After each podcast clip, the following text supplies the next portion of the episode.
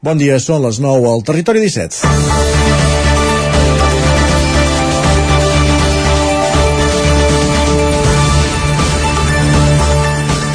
Entrem en un any electoral a la política municipal i estem en un moment en què veurem molts moviments de cadires i algunes sorpreses. Una d'elles passava ahir al ple de Vic. La regidora del PSC i primera, i primera secretària del partit a la ciutat, Carme Tena, estripa el carnet i acabarà el mandat com a regidora no adscrita. El detonant ha estat la publicació al 9-9 el passat divendres que els socialistes aposten pel metge Miquel Illa com a proper candidat. Ten acusa la direcció comarcal d'haver prescindit, d'ella a l'hora de planificar la llista.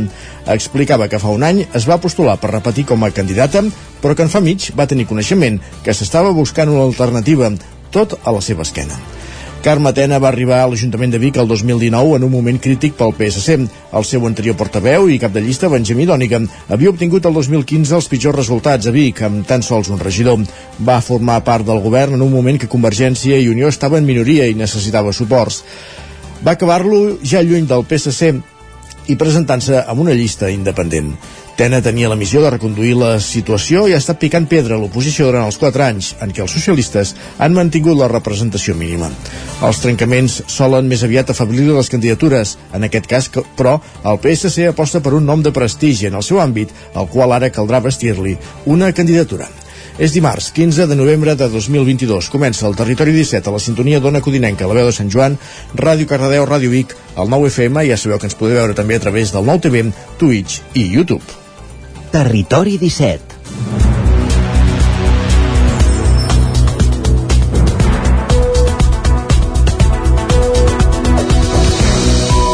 Passen dos minuts de les 9 del matí d'aquest dimarts 15 de novembre de 2022 en el moment que comença un nou Territori 17. Avui us acompanyarem com cada dia fins a les 11 i en aquesta primera mitja hora el que farem serà fer un repàs de les notícies més destacades de les nostres comarques, el Vallès Oriental, l'Osona, el Ripollès i el Moianès i ho fem en connexió amb les diferents emissores del que cada dia fan possible el Territori 17. Repassarem la previsió del temps de la companyia d'en Pep Acosta des d'Ona Codinenca i anirem fins al quiosc també, abans de dos quarts de deu, a conèixer quines són les portades dels diaris del dia. Pujarem al tren, a la, R, a la tren d'Alba, amb l'Isaac Muntades, recollint un dia més les cròniques dels oferts usuaris de la línia. Serà a partir de dos quarts de deu i després de l'entrevista, també en companyia de l'Isaac Muntades, conversarem amb Josep Isern i Jordi Garriga per parlar de la mitja marató de Ripoll, que arriba aquest cap de setmana a la seva 43a edició. Abans de les 10 parlarem també d'energia amb Gil Salvans, de l'Agència Local de l'Energia d'Osona. Entre altres qüestions parlarem de l'ampliació del radi de distàncies per l'autoconsum fotovoltaic i també farem un, una petita pinzellada a la COP27 que s'està celebrant aquests dies. Intentarem arribar al punt de les 10 amb música. En aquella hora ens posarem al dia de nou amb les notícies de casa nostra, la previsió del temps i és dimarts, per tant, toca Economia, amb en Joan Carles Arredondo.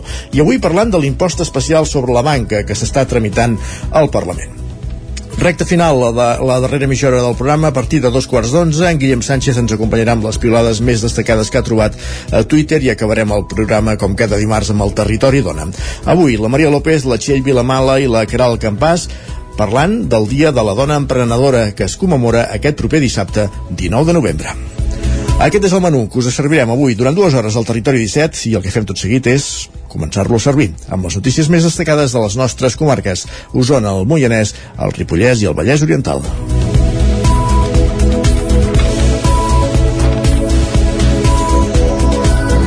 Ho avançàvem a la portada, la regidora del PSC a l'Ajuntament de Vic, Carme Tena, anuncia que deixa el partit i acabarà el mandat com a regidora no adscrita. El detonant ha estat la publicació el passat divendres al 9-9 que el partit aposta pel metge Miquel Illa com a cap de llista a les properes eleccions municipals. Sergi Vives. Carme Tena ha anunciat durant el ple d'aquest dilluns de l'Ajuntament de Vic que es donarà de baixa del PSC i que a partir del proper ple passarà a ser regidora no adscrita. Explica que ho ha fet en desacord pel procés d'elecció del candidat socialista a l'alcaldia de Vic per les eleccions de 2023. Mai i en cap cas vaig manifestar al Partit dels Socialistes de Catalunya que no volia continuar com a cap de llista per a les properes eleccions municipals del 23 ni tampoc ningú m'ha dit que no sóc prou bona per encapçalar-la. Però sí sabia des de fa aproximadament sis mesos que, que es valoraven altres opcions i com a primera secretària del partit a Vic mai se m'ha fet partícip d'aquesta presa de decisions. Divendres passat el diari El 9-9 va publicar la notícia que el senyor Miquel Illa Boré seria el cap de llista del Partit dels Socialistes de Vic, la qual cosa, i amb molta tristesa i decepció, m'obliga a fer aquest, aquest pas. I ja en el proper ple passar al grup dels no adscrits. TEN ha explicat que es va postular fa un any per encapçalar de nou la llista, tal i com ho va fer el 2019, i que com a primera secretària del partit a la ciutat no l'han informat del procés. Abans de l'estiu es va sonde sondejar el primer tinent d'alcalde, Josep Arimany, per encapçalar la candidatura, però aquest va acabar declinant. Des de llavors s'ha insistit perquè fos el metge cardiòleg bigatà Miquel Illa el número 1 de la llista. Tena va agafar el relleu de Benjamí Dòniga l'any 2019. Aquest tampoc va acabar el mandat dins el grup municipal del PSC per discrepàncies amb el partit. Obrim ara pàgina de successos perquè la policia local de Manlleu ha detingut aquest cap de setmana dues persones després d'un episodi d'aldarulls i enfrontaments amb agents divendres a la nit a la plaça Fra Bernadí. Una de les detencions es produïa dissabte a l'Avinguda de Roma de Manlleu. Segons el regidor de Seguretat Ciutadana, Arnau Rovira, l'origen de tot plegat van ser els diversos veïns queixant-se que hi havia nois xutant i remenant els contenidors del porta a porta comercial. Un cop allà, la policia els va convidar a marxar, però la conversa va pujar de to fins que la policia va haver de reduir un dels integrants del grup. Des del consistori defensen la manera com va actuar la policia i treballen per identificar la resta de joves a qui es produ produïa, a qui es podia imputar un delicte de desordres públics, amenaces, atemptat contra els agents de l'autoritat, resistència i desobedència. I els Mossos d'Esquadra han detingut el segon implicat en el robatori de butlletes a una treballadora de l'ONCE en una parada de la plaça Major de Vic. Els fets van succeir el 19 d'octubre quan dos joves van comprar-li rasques. Després d'això, eh, un va situar-se al seu davant i l'altre al darrere. El del davant va demanar-li un tipus de butlleta que no era el mostrador i quan en tenia diverses a la mà va aprofitar per donar-li una forta empenta i arrabassar-li dels dits. La dona no va arribar a caure perquè va quedar mig recolzada en el segon individu del darrere. El valor total de les butlletes s'enfilava als 933 euros. Els Mossos van detenir el primer implicat en el robatori amb violència el 3 de novembre i una setmana després el segon. La venedora es queixava al 9-9 que se sentia insegura després dels fets. Més qüestions, anem cap al Ripollès perquè el carrer València de Camprodon es tancarà el trànsit rodat de divendres a les 5 de la tarda diumenge a la mateixa hora. Isaac Montades, explica'ns els motius des de la veu de Sant Joan. Les obres de remodelació del carrer València de Camprodon ja es van acabar fa unes setmanes i en pocs dies es preveu que l'Ajuntament la recepcioni. Quan això succeeixi, la via tornarà a estar oberta al trànsit rodat. Tot i això, els visitants en podran fer un ús exclusiu en uns horaris concrets. Així doncs, a partir d'ara es tancarà el divendres a les 5 de la tarda aprofitant la sortida dels nens de l'escola i no obrirà fins diumenge a la mateixa hora. Hi podran entrar els vehicles que portin productes a les botigues en els horaris de càrrega i descàrrega que seran dissabte i diumenge de dos quarts de set a 10 del matí. De dilluns a dijous, sempre que no coincideixi en setmanes especials, estarà obert el trànsit. Fins ara només es tancava els dissabtes d'11 del matí a 2 de la tarda i de les 5 a les 9 del vespre i diumenge d'11 a 2 i de 5 a 8. El regidor de Més Camprodon Esquerra Republicana, Xavier Juncà, va reclamar que aquest horari havia de ser més modelable. Per tant, si mai hi hagués una proposta com és el bicibús que per tant intenta conciliar rutes segures per anar a l'escola i que els nanos al matí puguin anar acompanyats dels pares en bicicleta cap a l'escola, han d'anar esquivant cotxes, no? La resposta de l'alcalde del PSC, Xavier Guitart, va ser de no donar per fet que aquests horaris seran definitius i que poden variar en funció de les necessitats. No ens hem tancat mai, crec que ningú, ni vosaltres ni ningú, s'ha tancat mai que aquest horari ha de ser per vida, eh? que quedi clar que aquest és un horari que hem decidit per nosaltres ara, però no vol dir que si hi ha un bicibús, si hi ha algú que creu que ha de ser 100% peatonal, saps de sobres que el, el carrer s'ha mantingut i s'ha creat perquè pugui arribar a ser peatonal i per tant jo, jo no, no he dit mai que no pogués arribar ni a ser peatonal ni que no es puguin moure els horaris a vista del que es demani. Juncà va apel·lar que el procés participatiu sobre com havia de ser el carrer, la gent va contestar que utilitzava la via principalment per comprar i passejar i per tant ho feien a peu. Per aquest motiu el regidor creia que havia de ser un carrer preferent pels vianants. El Batlle va explicar que la Guàrdia Municipal ha de fer un estudi per decidir si el carrer també es tanca de 5 a 6 o de 5 a dos quarts de 6 de la tarda de dilluns a dijous, coincidint amb la sortida dels nens de l'escola. A més a més, va informar que ja s'estan fent proves perquè els veïns facin servir una aplicació mòbil, amb prèvia autorització de l'Ajuntament per obrir unes pilones i entrar al carrer. Desenes de persones, centenars de persones pràcticament, ja han passat per Torelló en el primer cap de setmana del 40è Festival BBVA de Cinema de Muntanya, que continua amb projeccions fins diumenge. Paral·lelament, s'ha celebrat una exitosa quarta edició del Torelló Mountain Wines en diversos tastos de vins i la participació de 20, 22 cellers de diferents punts de l'estat, Sergi. S'anomenen vins de muntanya perquè les vinyes de les quals procedeixen s'han conreat en llocs d'alçada o de dificultats orogràfiques.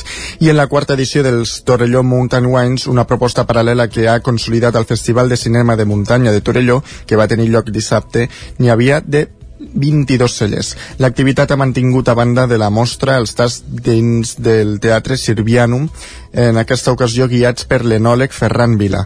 El sentim a ell i a Edu Rifà, membre de la comissió organitzadora del Torrelló Mountain Wines. Se solen fer vins eh, amb dones bastant eh, que fa mà a vegades eh, que s'han de cuidar a vegades eh, que els animals no se'ls mengin bueno, uns vins dic problemàtics amb el bon sentit de la paraula que són més feixucs, hi ha molt més esforç a, a darrere per fer aquests vins. De fet, el tas guiat va néixer per culpa de la pandèmia, no? El segon, la segona edició, que volíem tornar a fer només en format mostra, o sigui, el format de la plaça, doncs, evidentment, per la pandèmia no es podia fer, es va suspendre el festival també de cinema muntanya, i es va plaçar fins al març. Llavors encara no podies fer la mostra, però sí que podíem fer els tastos, i ens vam inventar aquest tast l'èxit va ser tal que ja no ens l'hem pogut treure de sobre no? i a partir de la tercera edició doncs, ja ho compaginem doncs, la mostra i el tast a la carpa que es va instal·lar a la plaça Nova hi havia cellers d'arreu de l'estat, alguns pràcticament de quilòmetre zero, com el de Mas Clarella, de Santa Maria de Besora, i d'altres com el Barranco Oscura de Granada, a centenes de quilòmetres tot però vist eh, vins d'alçada. Jordi Campreciós i Abel Portabella hi van presentar eh, el Mas Clarella i Luisa Chova, de Granada, el Barranco Oscuro. Estem elaborant a 1.000 metres d'alçada i doncs, hem portat dos vins blancs i dos vins negres que s'elaboren amb les varietats que tenim a la finca, que són Macabeu i Ull de Llebre. I bueno, són vins que es caracteritzen per tenir una acidesa molt marcada, i que bueno, després de, el seu procés d'elaboració pues, donen com a resultat vins que són molt gastronòmics y maridan molt bé pues, amb els plats de la zona que són molt característics. Para nosotros era interesante ver qué pasaba en otras zonas de montaña de la península. Eh, cómo, qué variedades tienen, cómo lo hacen los vinos, no sé, y, y, y conectar con otra gente que está en las mismas eh, circunstancias que nosotros de montaña. Les entrades per fer el tast al Torelló Mountain Wines ja fa dies que s'havien exaurit. Més qüestions. Caldes de Montbui inaugura l'exposició de l'amical Mauthausen resistentes i, resistents i deportades mostra la resistència de les dones al camp de Ravensbrück. Caral Campàs, Ona Codinenca. Resistents i deportades, aquest és el nom de l'exposició que tracta sobre la història de la resistència i la deportació femenina a partir de la trajectòria de dones procedents de diversos països d'Europa i de la seva història i evolució al camp de concentració de Ravensbrück. La inauguració de l'exposició que s'emmarca en els actes que la Regidoria de Patrimoni i Memòria Local organitza en motiu del conveni entre l'Ajuntament i l'Amical Mauthausen ha tingut lloc aquest dilluns a la tarda a la Biblioteca Municipal de Caldes i estarà exposada fins al 2 de desembre. Sentim Carme Germà, regidora de Patrimoni. De fet, ens hem, ens hem proposat treballar molt el tema de les, de les deportacions um, d'aquí van venir també les Stolpersteins i tot l'homenatge que vam fer als deportats calderins i eh, aquí va començar el nostre contacte amb la, amb la Miquel Matausen i el que presentem avui aquesta exposició eh, és una és una col·laboració amb la Miquel Matausen un, el primer programa que hem aconseguit fer conjuntament en què consisteix en aquesta exposició i en dues projeccions de cinema que es faran durant aquest mes de novembre també aquí a la biblioteca. Estem encantats d'aquesta col·laboració i esperem poder continuar treballant molt més amb ells. Joan Calvo, president de l'Amical de Mauthausen, també ha estat present a la inauguració. Els alemanys doncs es va decidir la seva deportació al camp de Ravensbrück a realitzar el treball esclau en unes condicions infernals.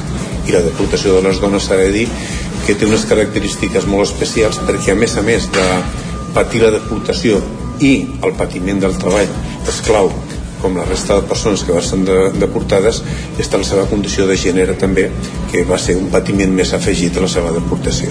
A banda de l'exposició, amb la col·laboració de l'Arxiu Municipal, s'han organitzat dues projeccions en debat i un col·loqui posterior. Una sobre l'Holocaust i la deportació, que tindrà lloc el dijous 17 de novembre a les 6, i una altra sobre Ravensburg, l'infern de les dones, que es farà el dimarts 29 de novembre a les 6.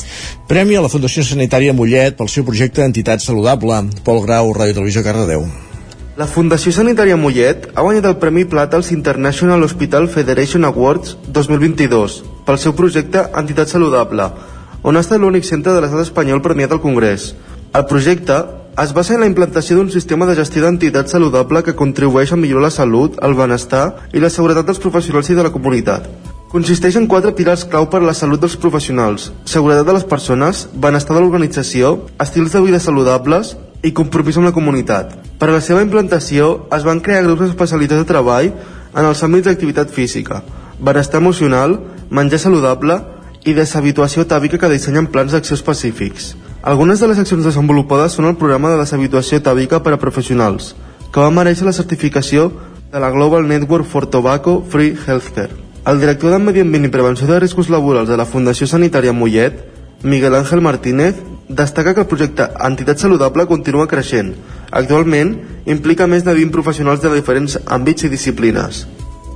Esports. I a l'àmbit esportiu us expliquem que la selecció espanyola femenina d'hoquei patins amb la manlleuenca Anna Casa Ramona de capitana i el també usonenc Jordi Merino, el cos tècnic, ha obtingut finalment la medalla de plata als World Skate Games, Sergi. El combinat estatal va perdre la final per 0 a 3 contra l'anfitriona, l'Argentina. Julieta Fernández va marcar el primer ja al minut 3 davant d'una afició que va esclatar d'alegria. Tot i les oportunitats de l'equip espanyol en una jugada aïllada, de nou Julieta Fernández va marcar per posar el 0-2 al marcador. A la segona part el domini va continuar sent de la selecció espanyola, però a la contra l'Argentina va tornar a marcar gràcies a Ariadna Soto. Acaba així l'hegemonia d'Espanya que havia guanyat tres mundials consecutius. També ha obtingut sis europeus des de l'any 2009. I acabem aquí aquest repàs informatiu que començàvem al punt de les 9 en companyia de Sergi Vives, que era el Campàs, Isaac Muntades i Pol Grau. Tot seguit al Territori 17 és moment de saludar en Pep Acosta i conèixer i saber la previsió del temps per avui dimarts. Casa Terradellos us ofereix el temps. I per saber quin temps farà el que fem és anar fins a una codinenca, allà ens hi espera un dia més en Pep Acosta. Pep, bon dia. Molt bon dia. Què tal? Què tal? Ja estem aquí, a l'espai del temps, Uh, continuem la setmana, anem avançant la setmana i continua com fa molt temps que dic aquesta sequera enorme que estem uh, patint uh, sobretot les nostres comarques eh? les nostres comarques és de les zones uh, de Catalunya és la zona de Catalunya jo diria on hi ha més sequera on està durant més eh, i els efectes són, són més greus, eh? hi ha molta, molta, molta preocupació, hi ha moltes poblacions i és que no es veu tampoc la, la llum ni ventós al final de, del túnel, la situació és molt, molt, molt preocupant. I avui tenim un petit canvi de temps, molt, molt poca cosa, ens passa un front de quarta o cinquena categoria, eh, que no que no deixarà gairebé cap precipitació a les nostres comarques.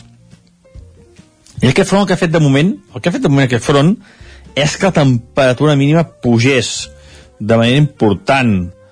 Uh, no hi ha gairebé cap glaçada novament, temperatures mínimes superiors als 10 graus a moltes poblacions, uh, ja estem a mitjans de, de novembre i aquestes temperatures no són gens, gens, gens normals, eh? superant els 10 graus a moltes zones, eh? una cosa increïble per aquestes, aquestes dates.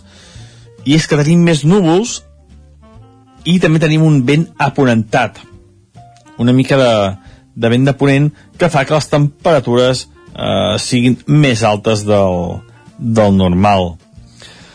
Com deia, aquest front ens creuarà, molta, molta nubositat, bastanta nubositat, però cap precipitació gairebé ni una gota a les nostres comarques. Jo diria que ni una, no caurà ni una gota.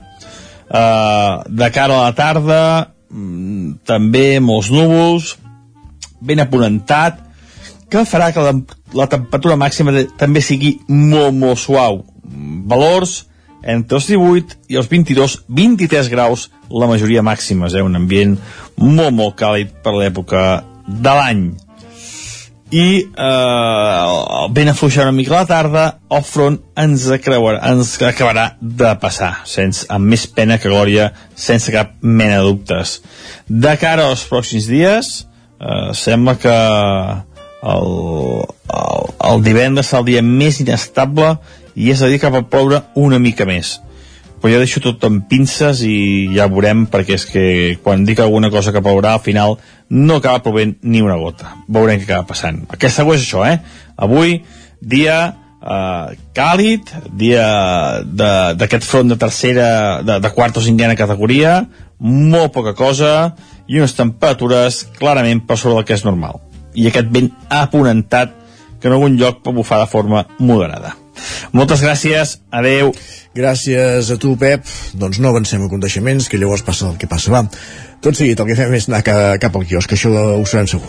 Casa Tarradellas us ha ofert aquest espai. I al quiosc el que fem és repassar les portades dels diaris que s'editen avui. Sergi, un dia més, per on comencem? Doncs comencem pel punt avui, que encapçala la seva portada amb un Ara la malversació i expliquen doncs, que Esquerra i el PSOE passen la plana de la sedició i obren el capítol de la malversació, el pla... Per modificar també modificar-la també legalment. Exactament, així ho diuen, que el pla és revertir la reforma que va fer el PP el 2015. D'altra banda, veiem una fotografia de Biden i Xi Jinping, el president de la Xina, sí. donant-se la mà. És el, la cimera del COP27, eh? Exactament. I el punt avui això ho titula com a canvi climàtic Diuen que la Xina i els Estats Units inicien el desglàs malgrat les tensions per Taiwan i l'economia global. I també destaquen al punt avui que la pandèmia fa créixer el consum d'alcohol a Barcelona. El periòdico destaca que la justícia posa en el punt de mira 500 cònsols honoraris uh -huh. i destaquen també que el govern s'obre a reformar la malversació com, a, com demana Esquerra i amb una fotografia doncs, denuncien la misèria de la droga que envaeix el barri de la Mina. Carai. La Vanguardia destaca que Biden i Xi rebaixen la tensió de la seva primera cimera i també destaquen amb una fotografia eh, que un cap de bou estarà a 135 metres d'altura i això doncs és Aquest perquè... és una peça d'art, eh? Sí. No és, no és un cap de bou real. No, no, no. I és perquè doncs, és la figura que corona des d'ahir la torre de Lluc de la Sagrada Família. Uh -huh. Molt bé. I d'altra banda expliquen que Amazon anuncia que acomiadarà a 10.000 empleats. Caram, tothom acomiada aquí, Twitter, Facebook, ara Sí, sí. Amazon... Um, Lara destaca que el govern espanyol s'obre a reformar la malversació i destaquen també que Biden i Xi doncs, coincideixen en rebutjar l'amenaça nuclear i, uh, i aquí doncs, els veiem en una fotografia i l'ara també explica que les sis grans energètiques de l'IBEX guanyen un 33,6% més aquest any per la crisi del gas. Carai, no? has dit crisi i guanys? Que és, és curiós aquest concepte, Sí, no? eh? Amb el tema d'energia en aquest país, sí, sí. Uh, anem cap a Madrid. Sí, el país diu que Díaz Ayuso menysprea la protesta per la sanitat. Bueno, no és que menysprea, eh, la critica i diu que és tot muntatge contra ella. Que ella ho fa tot tan bé. Sí, sí. I per altra banda diuen que el govern posa límits a la reforma de la malversació. Uh -huh. I a més a més doncs, eh, destaquen que eh, la població mundial ja supera els 8.000 milions de persones. La població mundial, eh? 8.000 La- milions sí. de persones. L'ABC diu que, les, eh, que estupor de jutges i fiscals per la rebaixa ha dit a la malversació. Dels jutges i fiscals que ells controlen, entenc, no? Clar. Ah, sí. Diu, mira, expliquen que l'estratègia del govern i els seus socis per blindar Grinyán i els independentistes es pot beneficiar a un centenar de sancionats per corrupció. Això és En la lectura que en fan ells. Molt bé. Sí.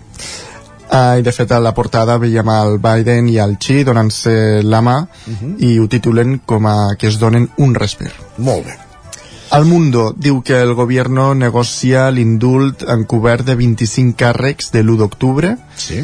i amb una fotografia de, les, de Zelensky a Gerson on el veiem amb la mà al cor juntament amb alguns militars diu que és l'inici del fi de la guerra. I la Razón destaca que la Moncloa reconeix que la malversació té mala defensa davant els seus votants i la notícia va acompanyada d'una doncs, fotografia de Feijó.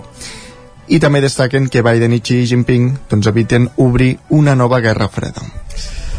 Tot, per, tot plegat pel límit de les emissions de, de CO2 la Xina continua sent el país més contaminant del món i no sembla que, que tingui masses ganes de, de canviar aquesta tendència. Doncs no, la veritat més portades, anem ja pels digitals? Anem als digitals, al 9-9, zona Ripollès ens trobem una entrevista que li han fet a Yolanda Tristancho, la nova portaveu d'IPR i alcaldable a les, a les eleccions municipals de Roda. La sentirem al butlletí a les 10. Doncs ella eh, diu que Albert Serra es pensa que li ha fet el llit i és mentida, així és com destaca en aquesta entrevista a Yolanda Tristancho. Molt bé. I a l'edició del 9-9 del Vallès Oriental? Doncs ens trobem que els bombers rescaten un gos que havia caigut a un pou de 15 metres a Santa Eulàlia. Santa Eulàlia de Ronçana, en aquest cas. Ah, al territori 17 tenim moltes Santa Eulàlia, sí. de, de Riu Primer, de Ronçana i de Puigoriol. Per tant, en aquest cas hem d'especificar que és la del Vallès Oriental, Santa Eulàlia de Ronçana. Gràcies, Sergi. A tu. Uh, acabem aquí aquest repàs als diaris, aquest repàs a la premsa que fem cada dia al quiosc aquí al Territori 17. Hem repassat les portades dels diaris que s'editen a Barcelona, també de la, les dels que s'editen a Madrid, amb una imatge bastant similar a totes, era de, de la cimera del COP27, entre els líders nord-americà i xinès. I, de fet, parlarem de... Farem algun esment al COP27 avui a la secció d'energia a la recta final d'aquesta primera hora del Territori 17, a partir de tres quarts de deu en companyia d'en Gil Salvans de l'Agència de l'Energia d'Osona.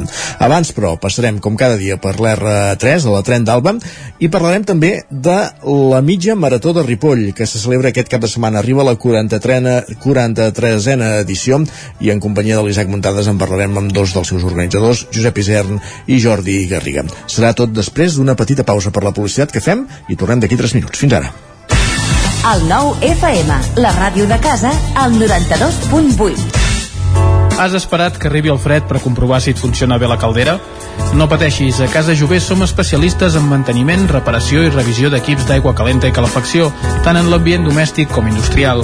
Si tens una avaria, no ho dubtis. Som Casa Jové. Ens trobaràs al carrer Girona, número 9 de Vic, i al telèfon 93 886 1596.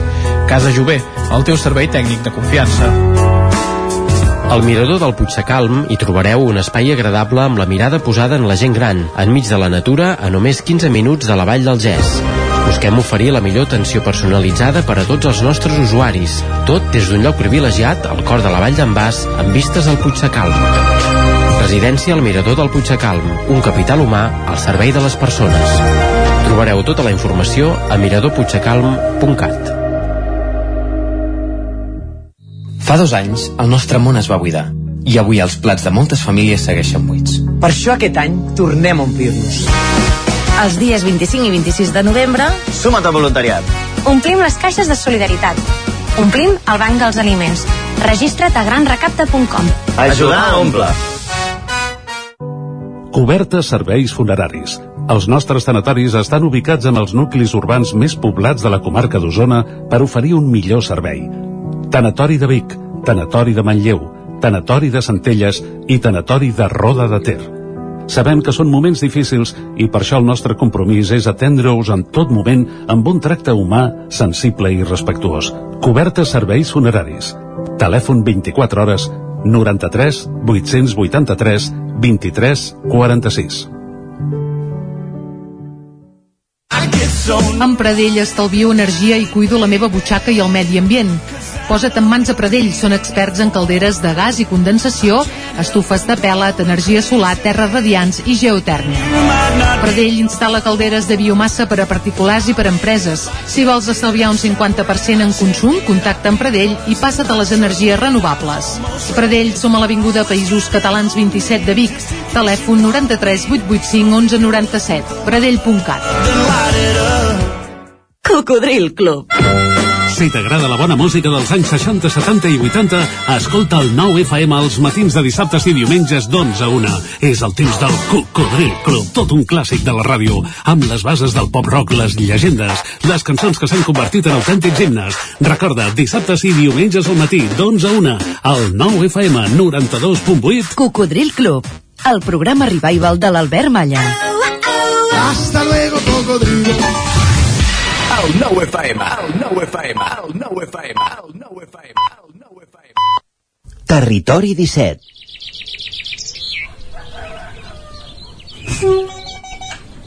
A Tren d'Alba. Cada dia els usuaris i usuàries de la línia R3 de Rodalies que veuen sortir el sol des d'un vagó ens expliquen les gràcies i les penes del primer comboi que uneix Ripoll i Barcelona o les feixugues jornades amb el tren després de treballar. Benvinguts a Tren d'Alba. Per variar, ahir va haver-hi una altra avaria al sistema de senyalització a Montcada bifurcació que va obligar els trens a circular en via única fins a Sant Andreu Arenal, segons va informar Renfe. La incidència va provocar retards de 30 minuts en els serveis de les línies R3, R4, R7 i R12 de Rodalies. Tècnics de DIF es van desplaçar fins a aquell punt per avaluar i procedir a la reparació de l'avaria. En paral·lel, Renfe va informar a través de tots els seus canals d'informació i d'atenció al client, que ja està bé, perquè normalment doncs, no ho acostuma a fer. Us deixo ja amb la crònica d'en Jordi Valls d'aquest matí. Bon dia, sóc en Jordi de Centelles. Avui dos minutets tard. Després a la tarda es va liant. Hòstia, estic fart de ser el barrufet rondinaire de la Renfe. Però és que tela teleta. Ahir a la tarda es va espatllar a Montcada bifurcació alguna cosa de la via i els trens anaven per via única pels túnels de Barcelona. Ole tu! Jo vaig pujar a M12. Contaminent, ja, però és que vull sobreviure, vale? Qui em parli del canvi climàtic les trobaré algun dia. Aquest matí a l'R2 també tenien incidències d'Adif, o sigui, ni les vies funcionen. Buscàvem coses, amb la Míriam, la companya que pugem Rambla Catalunya, buscàvem coses positives al dia i anar pensant, anar pensant, anar pensant, per poc ens atropella un patinet elèctric. O sigui, bé, el dia, el dia promet, ara ja tot ha d'anar millor. Vinga, molts ànims, adeu-siau. A veure, Jordi, tens motius per ser el barrufet rondinaire de la Renfe. És un títol que et podem adjudicar. Les incidències són el pa de cada dia, a l'R3, a l'R2 i a qualsevol línia gestionada per aquesta companyia ferroviària. Va, ens retrobem demà amb més històries del tren i de l'R3. Territori 17. Envia'ns les teves notes de veu per WhatsApp al 646 079 023. 646 079 023. WhatsApp Territori 17.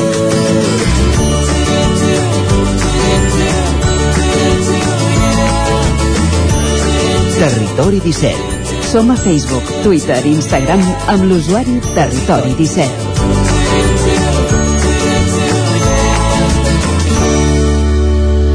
Ara mateix dos minuts i mig que passen de dos quarts de deu anem a l'entrevista.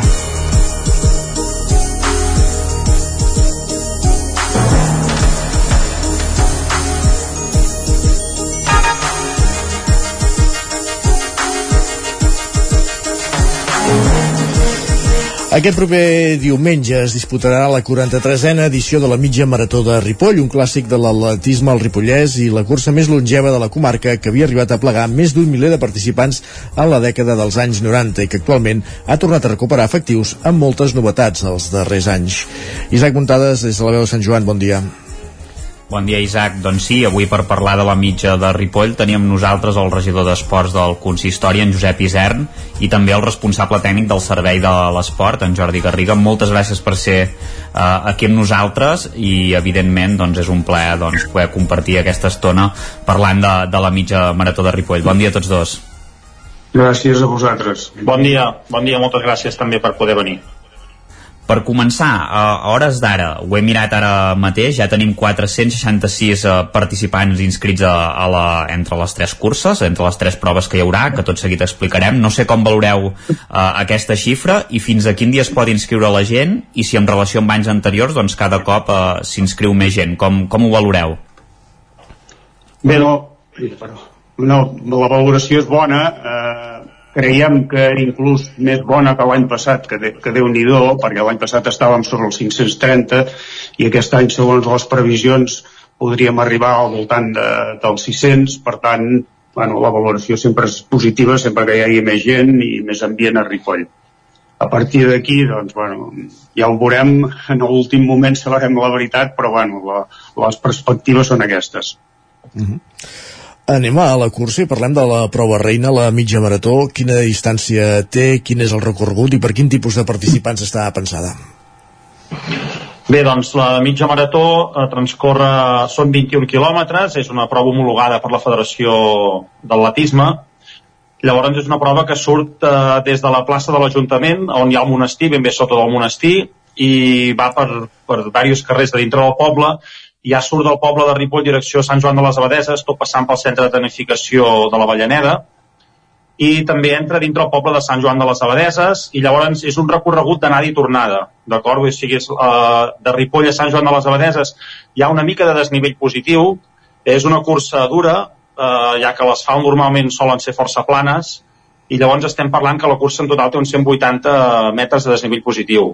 La tornada, llavors, per altra banda, és un xic favorable, tot i que les forces ja van minvant, i l'arribada torna a ser doncs, des del mateix lloc que la sortida fins a la plaça de l'Ajuntament. La veritat és que és una cursa, per ser una mitja marató d'asfalt força dura, eh, sempre és un públic eh, doncs, que està molt ben entrenat i realment d'aquí la comarca participa poca gent eh, i sobretot la majoria de gent que tenim doncs, són més de la zona de Barcelona o de les Rodalies o de, o de tot Catalunya. Uh -huh. Mm -hmm. Llavors us volia preguntar, precisament em comentaves eh, que la prova és, és bastant dura, de la mitja marató, per tant no sé si és factible aconseguir eh, el rècord. Ara mateix està en una hora i sis minuts, que el té l'Olotí Nan Oliveres, que em sembla que també sí. el tindrem, després en parlarem. Uh, uh, és factible aconseguir-lo o, o ho veieu complicat? És factible, bé, sabem, no, no hem parlat directament amb en Nan Oliveres, però sabem que ve córrer la cursa, sabem que aquesta setmana va guanyar Beòvia amb 1-0-1, Uh, llavors, clar, això també demostra que allò és una cursa absolutament plana, amb un nivell altíssim, és una cursa molt coneguda aquí a, a, bueno, a nivell nacional, Llavors ell no sé si s'haurà recuperat al 100%, si té intenció d'intentar fer marca o no, però segurament estarà molt a prop d'aquest 1.06. Nosaltres estem força convençuts d'això. Hi ha altres corredors que han vingut altres anys que sabem que venen, que també poden fer una bona marca, però segurament, per lo que hem vist, doncs, Nan Oliveres, que és d'Olot, pot ser que, bueno, que pugui fer rècord de la prova. Uh -huh. A part de la sí, no. Digui, digui. No, dic una altra cosa. Uh, hi ha un tal Samir Aib, que també és, és, un, és un, un altre gall el galliner, per tant, jo crec que entre els dos eh, hi pot haver el guanyador, segurament. Uh -huh. Estàvem parlant fins ara de, de la mitja marató, però en aquesta cita hi ha dues curses més, la cursa Comte Guifrem i la Bressol de Catalunya, ja són proves menys exigents. Quina distància tenen i quin recorregut? I bàsicament saber si s'hi pot inscriure a tothom o es necessita algun tipus de, de requisit de condició física, diguéssim. No, hi ha, hi ha dos, dos recorreguts més, un és 10 quilòmetres, aquesta doncs eh, surt igual que, que la mitja, a la mateixa hora i tot, i aquesta arriba fins a l'alçada d'un resta, bueno, un, una, un restaurant que es diu Rama allà giren i tornen en direcció contrària cap a, cap a Ripoll. O sigui, el recorregut de, és, és de 10 quilòmetres i, és, i més o menys és això. Llavors hi ha un altre que és més per dintre el poble, que només arriba doncs, fins a, allà a la Fundació Eduard Soler, i llavors torna cap a la carretera de Sant Joan de 5 quilòmetres. Aquesta és més popular. Llavors, a nivell de la de 5 quilòmetres, eh, no, bueno, és, és molt, molt popular, hi ha, hi ha famílies que corren pràcticament tota la família, i bueno, és una, és una mica aquesta ja la fèiem i la que vam afegir va ser la de 10 per, per, per, doncs, per poder salvar la distància aquesta mitja entre els 21 i els 5 uh -huh. -huh. i també per animar realment el que ens va passar mm. No, dic que realment el que ens va passar fa uns anys, eh, com segurament molt bé sabeu, les curses d'asfalt han minvat molt, ens ha costat molt, eh, hi ha les curses de muntanya que s'han potenciat molt, llavors aquí a Ripoll només es feia la mitja marató. A la mitja marató anys enrere hi havia hagut moltíssims participants, però bueno, totes han anat minvant molt, llavors una de les maneres de que aquest mateix dia de la mateixa prova hi poguessin haver més participants primer va, va ser fer la de 5 que sobretot aquí és on hi ha la gran massa de la gent del poble, que és una festa hi ha algun que va amb cotxets, hi ha altra gent que se l'agafa molt en sèrio i fa molt bon temps també i és que llavors és el que ens permet arribar al voltant d'aquests 600 participants fer aquestes tres proves i així es poder que realment aquell dia, a part de la cursa, doncs hi hagi ambient al poble i sigui una festa doncs, més, més ben feta. Uh -huh. I ara que precisament comentes això de la, de la festa i l'ambient, eh, hi ha algun tipus de novetat en format d'animació aquest any, oi? No sé en què consistirà exactament. Sí, bé, nosaltres cada any intentem doncs, eh, fer alguna coseta a la cursa doncs, perquè la faci més llaminera, perquè els corredors sigui més amena per ells, i llavors ja normalment sempre tenim un grup de batucada que estan més per la zona del centre, tant per la sortida i per l'arribada, i llavors aquest any el que hem fet és en el gir de 10 quilòmetres, si hi ha un disjockey per posar música, doncs pel mateix, no? perquè tant els corredors de la 21 quilòmetres tant com els de 10 tingui una mica més d'animació, doncs potser la motivació sempre augmenta una miqueta més, i, bueno, i tot això fa que el corredor doncs, tingui una cursa doncs, més agradable. Uh -huh. Uh, la mitja marató sempre s'ha caracteritzat, abans ho començava, ho esmentàvem per portar grans noms de l'atletisme català o establerts a Catalunya. Uh, n'hem citat dos abans, ens en podeu destacar alguns altres, de, tant de la categoria masculina com la femenina? Bé, de la categoria femenina ve una noia que es diu Cristina, ara mateix de, de no recordo el nom, que ja va guanyar l'any passat i si no recordo La malament Cristina també... Que va Exacte, que és la que també ha guanyat a Beòvia, crec. Llavors, aquests dos sobretot són els principals que més bons que venen. Llavors, l'altra gent, doncs, bueno, ja poder estar més cap a l'hora 10, l'hora 12 de la mitja marató, que ja no és un temps tan, tan bo, però bueno, -huh. I de fet també a les altres curses també he vist que hi haurà alguns atletes de nivell, fins i tot del propi poble. Em sembla que la de 5 quilòmetres ja ha apuntat la- l'Aleix Fàbregas, que també en el seu dia havia corregut la, la de 21, per tant també tindreu nivell no? amb, les, amb les altres proves fins i tot. Sí, sí, a, a totes les proves sempre hi ha gent que va molt ràpid, que té molt nivell. És aquest, aquest exemple de l'Aleix, que ja em sembla que els últims anys ja ha guanyat la de 5 quilòmetres i podria molt ben ser que aquest any la tornés a guanyar i bueno, doncs això també és positiu, no? que algú del poble pugui córrer alguna de les tres curses i pugui estar el més alt del podi. És una cosa que doncs, també és bona pel poble. Uh -huh. Uh, tornant a la mitja marató, es fa un esforç econòmic, si no tenim mal entès, per atraure, uh, per atraure alguns participants, o, o, quin és el plantejament en aquest aspecte de, de l'organització? Eh, bueno, bàsicament el que hi ha és eh, premis econòmics, sobretot, bueno, sobretot no, exclusivament per la mitja marató. Llavors hi ha un premi als primers classificats, tant masculí com femení, de 400 euros, el segon són 250 i el tercer són 100 euros. Llavors, bàsicament, és aquest, l'import econòmic és aquest. Uh -huh. I també, eh, tornant una mica a la, a la llista d'inscrits, a la prova de 5 quilòmetres hem vist que ja hi ha apuntat en Casimiro Murillo, acompanyat de, dels seus fills, que és un clàssic d'aquesta prova, pràcticament no ha corregut totes les edicions, però gairebé, gairebé, tot un exemple a seguir, no? Qui és una mica pels qui no ho sàpiguen que, que el puguin conèixer, perquè realment té mèrit el, el que fa aquest home. Bé, doncs és un senyor d'aquí de la vila de Ripoll, fa molts, molts anys, com bé dius, que corre... Bueno, havia corregut sempre la mitja marató, no recordo ara exactament quin va ser l'últim any, però no fa gaires anys que va córrer també la, la mitja marató.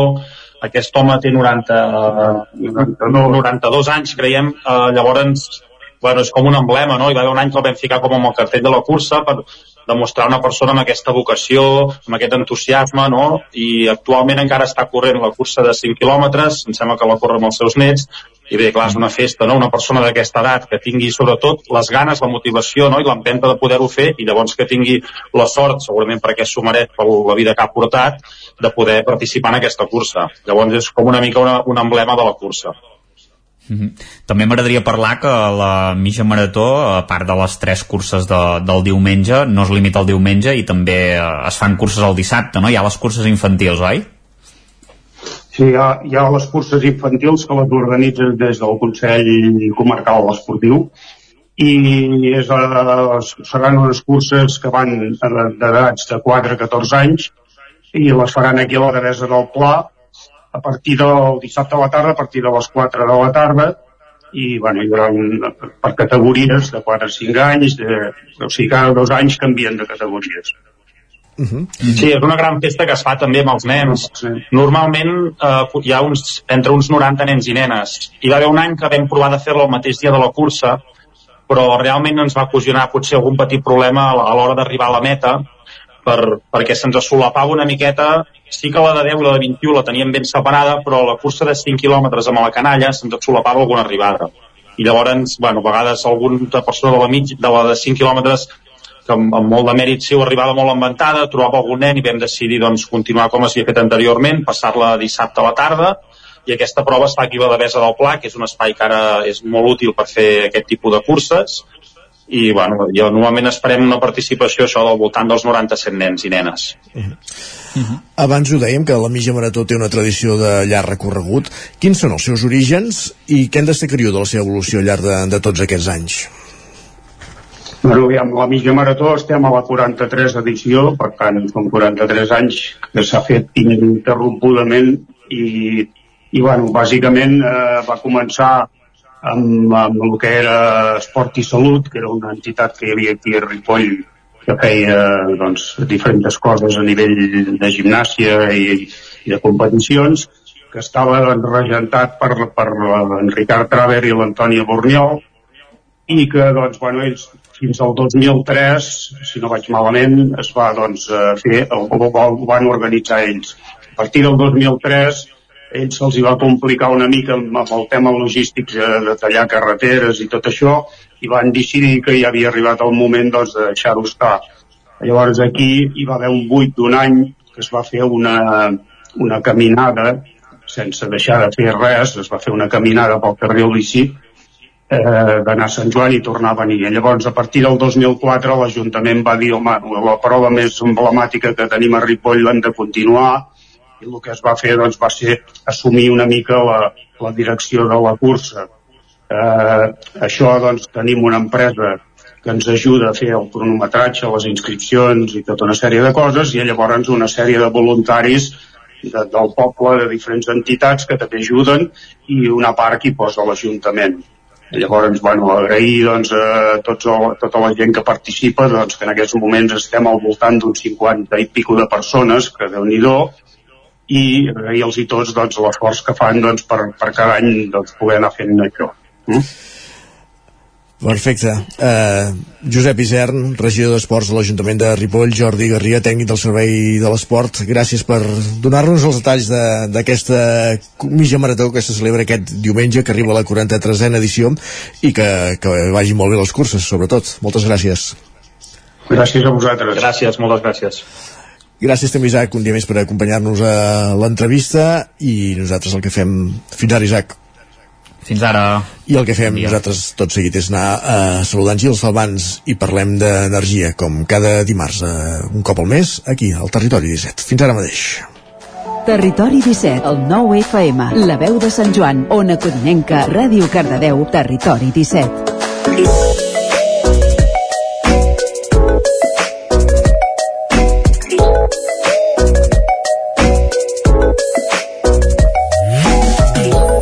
Quarts i... tres quarts i dos minuts que passen... Tres quarts i dos minuts de 10 del matí, ara mateix al territori 17 i ens disposem a parlar d'energia, com fem un cop al mes, amb en Gil Salvans de l'Agència de l'Energia d'Osona. Aquí també ja saludem. Benvingut, Gil, bon dia. Bon dia, Isaac. Com estem? Bé, bé, bé. Avui volem tocar un parell d'aspectes, principalment centrant-nos en, en una cosa que n'hem anat parlant i hem vist que en poques setmanes ha tingut una doble modificació. Moltes vegades, quan parlàvem de comunitats energètiques en aquesta mateixa secció, explicàvem que hi havia un límit per, per l'autoconsum eh, que, és, que, que és estar eh, en un radi de mig quilòmetre, diguéssim, per, per, poder, per poder fer autoconsum compartit. Eh, en poques setmanes aquest radi s'ha ampliat a un quilòmetre i a dos, posteriorment, diguéssim això evidentment ajuda a aquesta tasca que s'està fent diguéssim d'anar fent taca d'oli amb les comunitats energètiques eh, una de les coses amb, el, amb les quals la, des de l'agència des de l'impuls de l'agència de l'energia d'Osona s'és pioner a la comarca així és, així és. Uh, hem vist que finalment hem tingut aquestes bones notícies que ja fa quasi bé un any o dos que les esperàvem, és a dir, quan nosaltres eh, començàvem a parlar de comunitats energètiques en molts dels municipis on ara ja tenen la comunitat creada i estan començant els primers projectes, sempre dèiem que, que en aquell moment havíem de parlar de 500 metres, però que preveiem que tard o d'hora, i esperàvem que més d'hora que tard, eh, havíem de preveure dos quilòmetres. Eh, val a dir, i, i poseu-ho per davant, que els dos quilòmetres ens situen igualment a la cua d'Europa, de, de, eh? és a dir, sense anar més lluny, a Portugal, o a França, en àmbits rurals, en àmbits rurals sobretot, en àmbits uh, urbans són dos quilòmetres, en els dos casos, però en àmbits rurals parlen de quasi 20 quilòmetres, en algun cas, i 5 quilòmetres en l'altre, és a dir... Però bueno, els dos quilòmetres ens donen un joc molt més ampli. Val a dir que els dos quilòmetres de moment s'ha anunciat per la ministra, però no ha sortit el BOE. Sí que un quilòmetre ha sortit, però en, el, en els dos quilòmetres no. I tampoc s'ha transposat la directiva de comunitats energètiques. Per tant, ho anem fent tot una mica a, a passets, eh? és a dir, a compte gotes. El, el, aquest un quilòmetre va sortir a, través, a través del BOE de, del 19 d'octubre, que, que on es publicaven les mesures per complir la reducció de la dependència del gas natural. Doncs una de les mesures era ampliar a un quilòmetre, però amb unes, amb unes restriccions. Eh? No podien fer un autoconsum, tot l'autoconsum podia ser d'un quilòmetre, sinó que només aquell autoconsum posat a taulada. Això ens limita que si fem un petit parc fotovoltaic de 100 kW en un espai, continuem limitats a 500 metres. És a dir, ara ens situem a un municipi Rupit i Provit, un espai protegit, un entorn arquitectònic protegit, on les taulades haurien de quedar netes per, per, pel valor que té això, possiblement podríem buscar un espai a l'entorn a, a, a un quilòmetre, un quilòmetre i mig, on situar unes plaques per poder abastir el municipi, però com que ho han limitat tant, en aquest cas ha de ser sobre taulada. Uh, veurem els dos quilòmetres com queda. Eh? Uh, això és un real decret del 19 d'octubre que ens deia un quilòmetre. La ministra la setmana passada, no, el dia 2, uh, en seu, en seu d'això, anunciava que vist les queixes del sector i tot, serien dos quilòmetres, per tant, aquest Real Decret s'ha de negociar ara al Parlament, ah, no, al Congrés dels Diputats, perdoneu. Uh, D'allà uh, ja veiem que en sortiran dos quilòmetres, veurem si en surten dos quilòmetres tot l'autoconsum, eòlica, autoconsum a terra, o només aquesta limitació de només amb taulades. Uh -huh. val, val a dir, tot i així, que és un canvi de paradigma, eh? és a dir, 500 metres ens limitava molt, però si transposem aquests dos quilòmetres, per exemple, a Vic, una instal·lació ubicada sobre la taulada del sucre, que en aquest cas no es podrà fer una gran instal·lació perquè també és un edifici catalogat, però perquè tothom se, se situa des del, sí, sí. ens situem tothom des del sucre, voldria dir que pot donar servei aquella instal·lació a tota la gent que viu a Vic. És a dir, dos quilòmetres en línia recta, ens anem a Calla Atenes, ens anem als polígons industrials, per tant, agafem tot el terme municipal de Vic. I això ens passa a tots, o a la gran majoria de pavellons de, de, dels municipis de la comarca, és a dir, a Roda de Ter, 500 metres des del pavelló, ens limitaven molt, anàvem a parar, no, no arribàvem ni, ni a la plaça del municipi, a dos quilòmetres agafem tot el municipi. Per tant, això ens obre un ventall de possibilitats molt grans a l'hora de fer transició energètica, comunitats energètiques i compartir energia.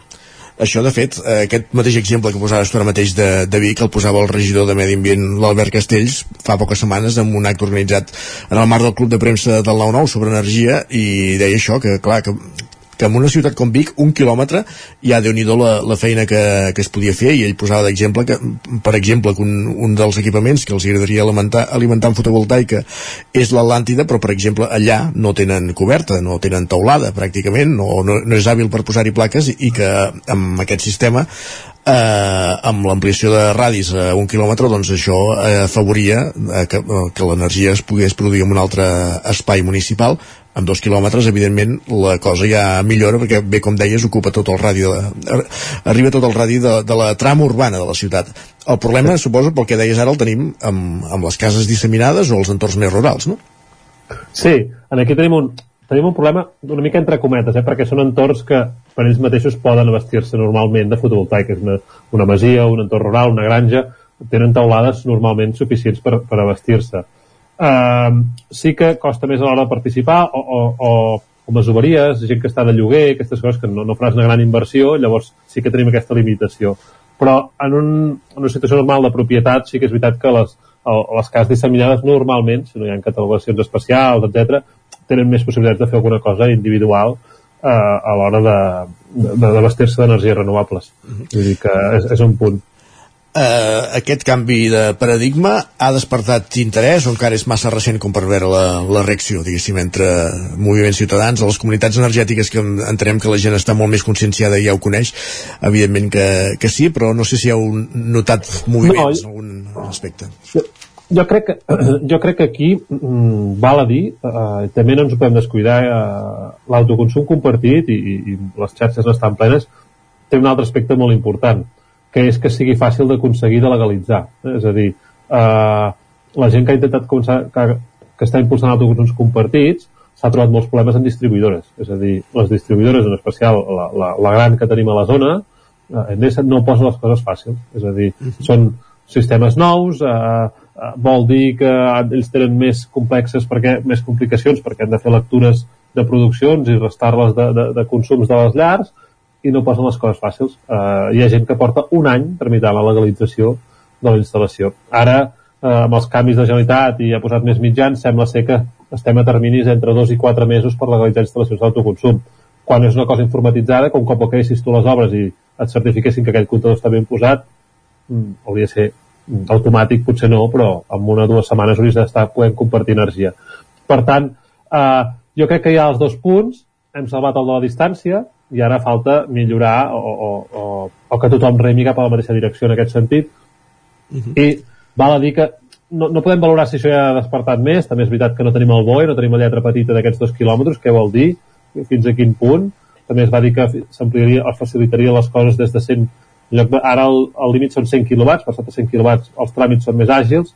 Van dir que s'ampliaria fins a 500 kW falta la lletra petita, què vol dir fins a 500 kW per tant estem en un punt d'esperar ara el BOE la lletra petita de tot això, però val a dir que a Osona el tema de les comunitats energètiques està en un, en un moment àlgic, eh, estem parlant de, de 14 constituïdes i 10 en procés de constitució que segurament abans d'acabar l'any o principis del vinent estarà. Estem parlant de que s'han superat els 800 socis i sòcies de la comarca en aquestes comunitats existents. Eh, fins i tot ja es va fer una primera reunió la setmana passada a la ciutat de Vic per començar a impulsar comunitats energètiques a Vic.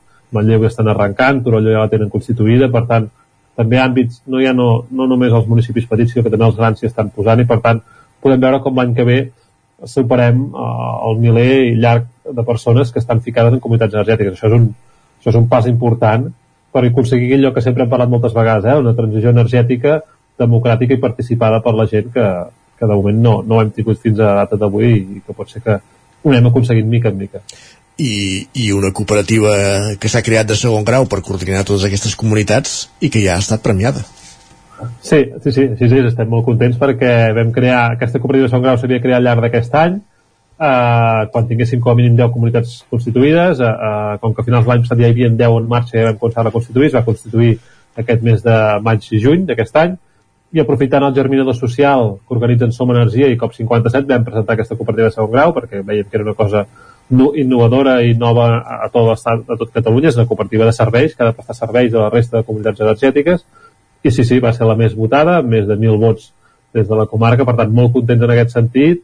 Eh, esperem aprofitar aquests diners de, del Premi del Germinador Social per començar a prestar aquests serveis que ha de prestar la cooperativa i també això, dir-vos que suposo que a les pròximes setmanes Balanyà Sostenible començarà a tenir les primeres plaques per compartir, que serà que hem mogut molta gent, s'ha mogut moltes coses, però encara no tenim instal·lacions en funcionament que es comparteixin, però tot sembla indicar que aquest mes de novembre acabarem el mes amb tenint instal·lacions ja amb energia compartida entre socis i sòcies de cooperatives de la comarca, per tant, una gran notícia en aquest sentit. M'agradaria incidir en una cosa que comentaves abans, que és el fet de la legalització de la, de la instal·lació, no?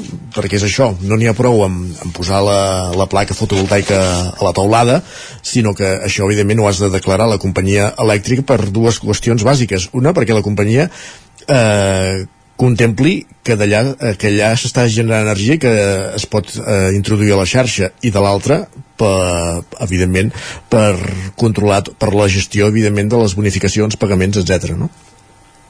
Així és, sí, sí, quan tu legalitzes la diferència entre una, una instal·lació individual que ja la connectes dins de casa teva i per tant al moment que la connectes ja deixes de ja, ja et fiques energia a casa diguéssim i, i ja vas estalviant en una col·lectiva, tu el que poses és un comptador de mesura d'aquesta instal·lació col·lectiva. Quan legalitzes, dius quina beta, quin percentatge d'aquella instal·lació toca cadascú que participa en aquella instal·lació. Mm, si som 10 i fem 10 quilowatts, ens ho repartim per tots igual, direm els, a aquesta persona toca un 10%, aquesta un 10%, i això es legalitza en un comptador. Poses un comptador de lectura i llavors la companyia t'ha d'acceptar que aquest comptador és correcte, donar-te l'ok, i llavors és la mateixa ai, distribuïdora que fa les lectures a casa nostra, que ens, que ens llegeix el que gastem cada hora, també llegeix què es produeix cada hora i a través d'aquesta doble lectura ha de restar-ho i descomptar-nos i bonificar-nos el que la instal·lació compartida que tenim a 500, 1.000 i ara quasi bé 2 quilòmetres de distància ens estalviï eh, la factura a casa. Per tant, sí, sí, hem de passar per la distribuïdora, que en aquest país és, està privatitzada la xarxa des de fa uns quants anys, eh, i aquesta és la que ens trobem que en molts casos que ens està fent alentir els processos de legalització posada en funcionament d'aquestes instal·lacions. I ja anem acabant, ens resta un minut. Uh, avui volíem parlar sobretot de, de l'ampliació d'aquest radi, però també volíem fer un esment a la cimera pel canvi climàtic, a la COP27 que s'està celebrant aquests dies. Uh, avui a tots els diaris, ho comentàvem abans al quiosc, apareix la, la foto del primer ministre xinès i el primer ministre nord-americà uh, junts, però poc podem dir que, que la cosa evolucioni. La Xina poc compromís més eh, assumeix, amb, per exemple, eh, amb la reducció d'emissions de, de, de gasos de canvi de, de, d'efecte hivernacle, de CO2. Eh, estàs seguint més de prop eh, aquesta COP27 i com, com estàs veient la seva evolució? Ah, ah, és curiós el tema de les COPs perquè sempre, és a dir, jo crec que o sigui, podríem agafar les notícies de premsa de l'última COP o de la penúltima i, tornar, sí, sí. i tornar-les a repetir, eh? Comencem una setmana, no hi ha acord, no hi ha acord, i dependrà una mica de, de si la I l'acord serà igualit, no? I l'acord serà igualit, per, és a dir, quan ja vas a fer una cosa en un país on està ple de piscines i fa un clima que no hi ha aigua, etc per, pel canvi climàtic ja, tot, tot té poc sentit, eh? és a dir, tothom desplaçant-se amb avions cap allà, etc. vull dir que mm, no té molt sentit en un moment on realment poca gent, excepte l'alcaldessa, eh, l'Ayuso, eh, eh, poca gent dubta del canvi climàtic, eh? és a dir, a Catalunya portem un estiu de sis mesos quasi bé, vull dir que eh, eh, és el novembre i molts dies, encara ens podem passar ja amb màniga curta els migdies, quasi bé, com aquell que diu, eh, eh, el del canvi climàtic serà eh, no serà s'acceptarà moltes coses serà el pitjor que haurem vist segurament en les nostres vides perquè desplaçaments de persones, etc tempestes, etc i sembla que de moment, a part dels joves que es queixen, eh, ningú creu que s'hagi de donar la importància que creiem alguns que, que això ha de tenir. I la COP, jo des de que estudiava a la universitat, que també he començat a seguir les COPs, sempre era el mateix, una setmana de que arribava gent, veus que interessants, però que d'això, i arribes l'últim dia no hi ha acord, i al final l'acord ha igualit perquè tothom sortia a la foto, tothom sortint a la foto i s'ha acabat. I, I es repeteix any rere any, és, és, és trist perquè el que s'hi juga allà és molt important en aquest sentit. Uh mhm.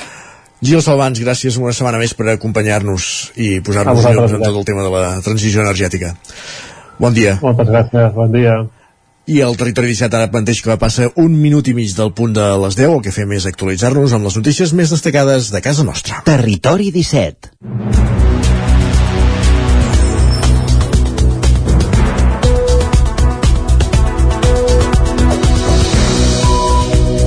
Moment d'actualitzar-nos amb les notícies de les nostres comarques, el Vallès Oriental, l'Osona, el Ripollès i el Moianès, i ho fem en connexió amb les diferents emissores que dia a dia fan possible aquest programa. Per explicar-vos aquesta hora, per exemple, que en pocs dies Yolanda Tristancho s'ha convertit en la portaveu d'Independents per al Progrés de Roda, IPR, i candidata de la formació a les properes eleccions municipals. Sergi Vives. La fins fa poc número 2 ha agafat les regnes del grup després que IPR forcés l'expulsió de l'alcalde Albert Serra arran de uh, l'episodi de festa major perquè se l'acusa d'actituds masclistes i tracte ofensiu envers algunes dones. També entrevistada a l'angle obert del nou TV, Tristancho apuntava que aquests fets es van afegir a altres com la falta de confiança amb l'equip. Tristancho, que serà la candidata d'IPR a les eleccions municipals de l'any que ve, confirmava que a la llista també hi haurà els altres dos regidors que queden al partit, Montse Garcia i Toni Gaja. El que passa que sí que és cert que la gent es pensa que, que ha estat només una patinada de la festa major i malauradament no és només la festa major, hi ha hagut altres històries entre mig. Uh, per exemple, la falta de confiança. I sí que li vam demanar, si plau, doncs, que es retirés pel seu propi bé, com a persona, perquè crec que no ha de ser fàcil no? entomar um, aquesta situació i llavors evidentment doncs, pel partit les sigles, ell, ell era el portaveu en aquells moments d'aquell grup municipal que es va presentar fa 4 anys uh mhm. -huh. o 3 anys ara diríssim Um, nosaltres ara continuarem amb les sigles d'IPR per les pròximes eleccions i en el que ell evidentment doncs, no hi serà. Tot i les hores baixes, el partit està d'aniversari. Farà 40 anys i la idea de Tristancho és fer una exposició fotogràfica que repassi la història de la formació des dels inicis de l'any 1983. Més qüestions. L'edifici del Sucre a Vic ha estat reconegut com a emplaçament històric de la química en territori de parla catalana. D'aquesta manera està catalogat dins dels 100, 100 elements de patrimoni industrial de Catalunya. Dijous es va fer l'acte formal per part de l'Ajuntament de Vic i la Societat Catalana de la Química. Gregori Ujaque, president de la Societat Catalana de la Química i en alemany regidora de Turisme de l'Ajuntament de Vic, destapaven dijous la placa que acredita l'edifici del Sucre com a emplaçament històric de la química. La construcció actualment uh, un centre administratiu on, on entre d'altres hi té la seu el Consell Comarcal d'Osona, és un emplaçament rellevant de la comarca d'Osona tant pel seu valor històric com arquitectònic i està catalogat dins els 100 elements del patrimoni industrial de Catalunya. El reconeixement de la Societat Catalana de la Química té a veure amb l'activitat que s'hi va portar a terme en els orígens de la fàbrica que s'hi va produir sucre a partir de la bleda rave o remolatge. Gregori Uja, que és el president de la Societat Catalana de Química. Per reconèixer i posar en valor el patrimoni històric científic, evidentment lligat a la química, que hi ha al nostre país, que és molt i molt important. O sigui, és per fer una mica el reconeixement, perquè jo crec que moltes vegades passa desapercebut, i crec que és important que nosaltres mateix, li, mateixos els hi donem, li donem el valor que té. Llavors ho vam posar en marxa l'any passat, aquest any és la segona edició i l'emplaçament amb, el, amb aquest guardó ha sigut a l'edifici del Sucre aquí a Vic. Des de l'Ajuntament de Vic es considera un orgull i un honor que l'edifici del Sucre tingui aquesta nova distinció. Anna Alemany és la regidora de Turisme del consistori Bigatà. Per nosaltres posa en valor el patrimoni històric de la nostra ciutat, però el patrimoni històric vol dir eh, turisme cultural i el turisme eh, cultural és, és eh, clau en el nostre desenvolupament i el nostre model de turisme que volem. Eh, també és el que diem sempre una mica, posar en valor el nostre passat i conèixer el nostre passat ens permet entendre molt millor el nostre present i sobretot també posar les bases pel, pel futur, el futur que volem, un futur pròsper, però sempre tenint la història eh, en primer terme. El doctor i professor de la Universitat de Vic, Universitat Central de Catalunya, Santi Ponce, va conduir la ponència a la fàbrica del sucre de Vic, un projecte industrial pioner, on va, va detallar el valor capdalt dels inicis d'aquest edifici que es va començar a construir al febrer de l'any 1890. La societat que el va impulsar l'encapçalaven els industrials Albert Planes i Martí Miret, amb un bon nombre de propietaris agrícoles i petits accionistes. La factoria va començar a funcionar l'any 1891 com a fàbrica de sucre a partir de remolatge, però va funcionar durant un període molt breu de temps. I encara en l'àmbit del patrimoni, us expliquem que la Diputació de Barcelona ha finalitzat el Pla Especial de Protecció del Patrimoni Catàleg de Béns Arquitectònics, Històrics i Ambientals de Santa Maria d'Oló, al Moianès. Caral Campàs, zona codinenca. En total s'han confeccionat 123 fitxes corresponents al conjunt de béns patrimonials d'interès històric, natural o cultural.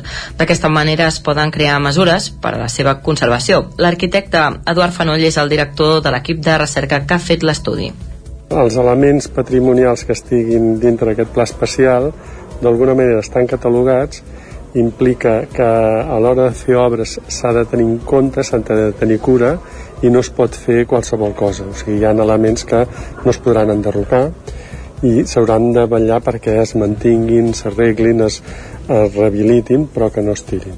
Per tal de confeccionar el pla, s'ha revisat i actualitzat l'inventari de patrimoni arqueològic i paleontològic del municipi. En destaca el Castell d'Oló, l'església de Sant Pere de Vilanova, l'església vella de Sant Joan d'Oló, la necròpolis del Serrat dels Moros i les tombes del Serrat de Torigues. Pla especial de patrimoni no només és per temes arquitectònics o d'edificis, sinó també per temes naturals, eh, per això també hi afegirem elements, arbres monumentals, també per temes arqueològics, de les restes d'un castell, etc etc que n'hi han. Aquí teniu molta varietat i també, de, per exemple, obres civils com els molins de, de fariners, que encara queden alguns elements al costat de rieres. Pel que fa a béns naturals, ambientals i paisatgístics, en el pla s'hi ha inclòs l'alzina de l'Espinal, el salt d'aigua del Molí del Pla, el Serrat de Guiló, Cingla Grona, les basses de l'Horta d'Armenteres, el Serrat i Mirador de Picamill i la Font de Roselles. I el tram de la via ciclista del Ter, del pont de les Rocasses, de Camprodon, es posa en marxa. Isaac Muntades, la veu de Sant Joan. Després de treballar-hi durant 7 anys, l'Ajuntament de Camprodon va aprovar per unanimitat el conveni per la cessió del tram del pont de les Rocasses de la via ciclista del Ter. Es tracta del camí que va des de la benzinera de l'entrada sud de la vila fins a la zona dels búnkers al costat de la carretera C38, que van ser construïts després de la Guerra Civil Espanyola. L'alcalde Xavier Guitar va recordar que aquell punt sempre ha estat conflictiu per l'afluència de gent que es dirigeix cap al camí del Remei. Ara ja s'han expropiat els terrenys de la zona i s'hi podrà començar a treballar. La via ciclista del Ter vindrà pel camí del Remei, travessarà el pont de Rocasses i entrarà per la zona de les Cabanyes. Aquí hi haurà l'alternativa per entrar dins de Camprodon o a les Cabanyes. A més a més, també es donarà solució a un dels trams més perillosos del recorregut, com li demanava el regidor Xavier Juncà. Aquell tros de la paret de pedra que veieu sí, com que ara és tan perillós, perquè ens Aquest que, que portem tants anys dient que és perillós. Que jo I aquí què s'hi farà? Aquí es farà perquè ens entenguem eh? posem entre cometes una via verda una via en la qual tu Sí, podràs protegida. anar a peu protegida Sí, l'accés a la mateix però protegit Exacte. que el que es havia demanat des del consistori fa molts anys i així seguir tots seguint la corda era que es tapés el tema del canal i que allà es posés una valla de protecció però ja sabeu com són carreteres ells ho han fet a la seva manera ells ho han portat com ells han cregut convenient i han fet un projecte jo crec bastant més ambiciós que el que nosaltres els hi demanàvem per part de Camprodon benvingut sigui i, i si ho paguen ells i, i ho fan ells i endavant L'actuació està tota finançada per la Generalitat de Catalunya. Anna Campillo, de Mollet del Vallès, és la guanyadora del 38è Premi Miquel Martí Pol de Poesia amb el recull Udol i Llop. La gala es va celebrar diumenge al Teatre Liceu de Roda de Ter, on també es va fer l'entrega de la resta de premis literaris i d'educació, Sergi. Un exercici d'imaginació de com hagués estat una vida anterior en contacte amb la natura. Aquesta és l'ànima d'Udol i Llop, el recull poètic amb què la molletana Anna Campillo ha guanyat el 38è, eh, la 38a edició del primer premi del premi Miquel Martí i Pol de Poesia. El preuet guardó, valorat en 3.000 euros, el va, acollir, el va recollir diumenge al Teatre Eliseu de Roda de Ter. El que m'interessava molt era una mica recrear com pot haver estat una vida en contacte, doncs, com, com he dit abans, amb la natura, una vida molt més ferèstega, eh, sense, sense cap mena de connotació moderna o tecnològica. Això a l'hora d'escriure el poemari doncs, eh, era una de les coses que m'interessava molt. Eh, una mica com, com hagués estat una vida totalment diferent de la que ens ha tocat viure en aquesta època. L'obra que es va imposar d'entre els més de 60 presentats es publicarà a la col·lecció Suda de Pagès Editors.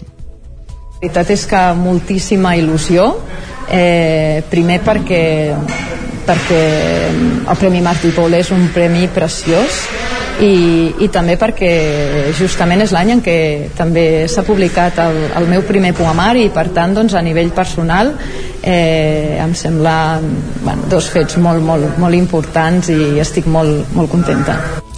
En l'acte que es va emmarcar en el programa de les jornades Miquel Martí i Pol també es va lliurar el Premi Jaume Salès i Sant Jaume i els Premis Instapoemes i el d'Il·lustració, així com els Premis Agrupació Roda de Comerciants de Narrativa Infantil i Juvenil i els d'Educació Sebastià Álvarez. Roger Corominas és l'alcalde de Roda.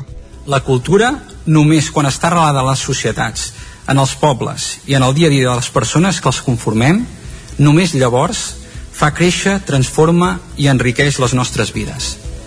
És responsabilitat de tots i totes, doncs, persones individuals, col·lectius, associacions i institucions, mantenir i fer créixer en jornades com aquesta, però també al llarg de tot l'any, la il·lusió i de tot l'any, disculpeu, la il·lusió i l'orgull de ser una baula més d'aquest llegat que recull tota una tradició cultural i que ens projecta cap al futur sense dubtes. Al final de la gala, conduïda per Xavier Grasset, es va representar l'espectacle Cor de la Cuina, creat per l'Escola de Música El Faristol sobre la base de Bon Profit, el conegut llibre de poemes per a infants de Martí i Pol. I tornem un moment al Vallès Oriental per explicar que el cross del Ginebró recapta més de 4.300 euros per la marató de TV3, Pol Grau, Ràdio Televisió, Cardedeu. Diumenge, més de 700 persones van participar en la 19a edició del Cross del Ginebró, la competició esportiva i solidària de l'Escola de Llinars, que s'organitza cada any al novembre i col·labora amb la Marató de TV3. Enguany, dedicada a les malalties cardiovasculars. Sota el lema de Corre i Salut, en aquesta edició s'han recaptat 4.311,03 euros, amb les inscripcions i aportacions voluntàries de les famílies. El Cross del Ginebró consisteix en curses organitzades per edats, per a tots els alumnes de l'escola, des de 3 anys fins a batxillerat i cicles formatius, així com per exalumnes i famílies. Com a novetat, aquest any les curses de mares, pares i exalumnes han estat mixes amb l'opció de dues distàncies, 1.500 o 2.700 metres. Com a previ al cross, s'han organitzat activitats de conscienciació, com la taula rodona de Corre i Salut sobre com compaginar córrer amb els estudis, la professió i la família de manera saludable. Moderada pel periodista Eloi Vila, van comptar una participació de Ionet, campió del món juvenil de curses verticals, Pere Montserrat, corredor de muntanya d'Ultra Trail, Cristina Puig, directora de l'escola Trail Xics Montseny, i Alexander Pagès, corredor de maratons. La competició que fa anys va néixer per treballar valors i actituds com la superació, l'esforç i l'autoestima, s'ha consolidat com una activitat festiva i solidària molt esperada per la comunitat educativa, que hi participa corrent o bé col·laborant en les tasques d'organització. Gràcies, Pol. Acabem aquí aquest repàs informatiu que començàvem al punt de les 10 en companyia de Sergi Vives, Pol Grau, Isaac Montades i Caral Campàs. Moment, al territori 17 de conèixer la previsió del temps.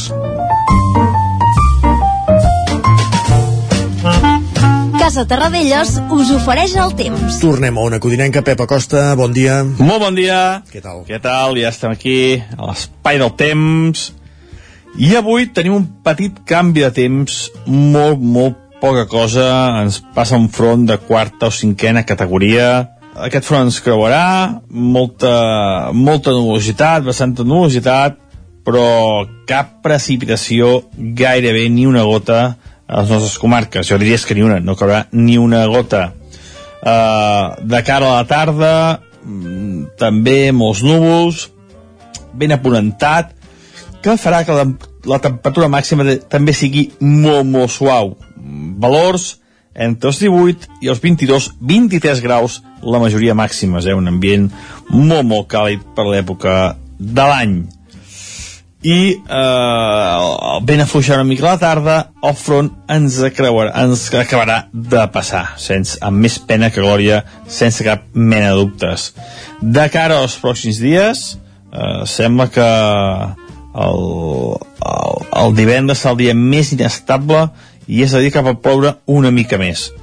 Però jo deixo tot amb pinces i ja veurem perquè és que quan dic alguna cosa que plourà al final no acaba plovent ni una gota veurem què acaba passant el següent és això, eh? avui dia eh, càlid dia d'aquest front de tercera de, de quarta o cinquena categoria molt poca cosa i unes temperatures clarament per sobre del que és normal i aquest vent aponentat que en algun lloc pot bufar de forma moderada moltes gràcies, fins demà, adeu. Gràcies a tu, Pep. Fins demà. Coneguda la previsió del temps, avancem al territori 17 i tot seguit el que fem és parlar d'economia. Casa Tarradellas us ha ofert aquest espai. Territori 17. Envia'ns les teves notes de veu per WhatsApp al 646 079 023. 646 079 023. WhatsApp Territori 17.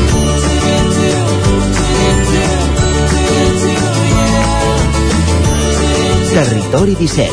Som a Facebook, Twitter i Instagram amb l'usuari Territori 17.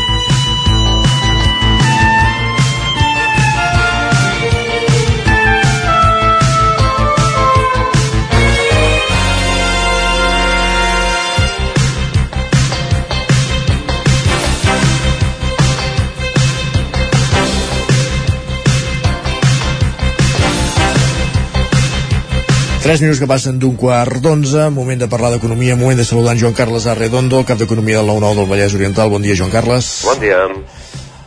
De què parlem avui? D'un uh, possible debat al Parlament aquesta setmana? Un possible debat al Parlament aquesta setmana i no és del delicte de, de sedició, ni de malversació, ni res de tot això. És una cosa que segurament eh, ens afecta més del que semblaria, eh? eh Home, ja, segur, quan, la... quan diguis el concepte la gent dirà que segur que ens afecta, perquè sempre, sempre ens afecta aquest aspecte. Sí, sí, però, però efectivament, eh? però és, és, és el tema de... Uh, ja, ja, ja, ja s'ha comentat, però diguem-ne que ara entra el tràmit parlamentari el tema del de, cobrament d'un impost a la banca. Eh? Tothom, per, sap, tothom sap qui acabarà pagant l'impost, per això uh, no? o tothom no s'imagina. No és gaire difícil de predir, eh? però... Exacte tampoc era gaire difícil de predir que, que l'increment dels tipus d'interès que, que s'està produint, eh, tan, tan directament a partir de les decisions que pren el Banc Central Europeu, com indirectament, o també directament, però, però per la pujada que està tenint l'Euríbor, uh -huh. eh, tot això acabaria incidint directament i de manera positiva en els beneficis dels bancs. En, en què es trobaven fins ara els bancs, no? que tenen un marge comercial amb tipus d'interès zero, que això era un entrebanc per les entitats que eh, també buscaven refugi en un concepte que diu comissions, tot això qualsevol usuari de banc sap, sap el que són les comissions, eh, per mantenir, i d'aquesta manera ells aconseguien mantenir els comptes d'explotació eh, perquè resultessin atractius pels accionistes. Amb, amb la pujada dels tipus han, han, han confluït finalment tres circumstàncies i tot això ha sigut, tot, són tres circumstàncies que totes són favorables pels bancs. No? Primer, han aconseguit disposar de més marge comercial, eh? aquest marge comercial que no tenien amb tipus d'interès zero, ara amb tipus d'interès positius, ells poden començar a jugar més amb, amb, amb, amb els seus marges. Um, mentrestant no han, no han hagut no, no han fet retocs en les comissions i per tant han mantingut els ingressos que tenien fins ara amb aquests conceptes i finalment no han traslladat a, aquest, la pujada de tipus d'interès a la remuneració que estan oferint pels dipòsits suposo que tothom que té dipòsits eh, sap que no li estan diguem-ne premiant no?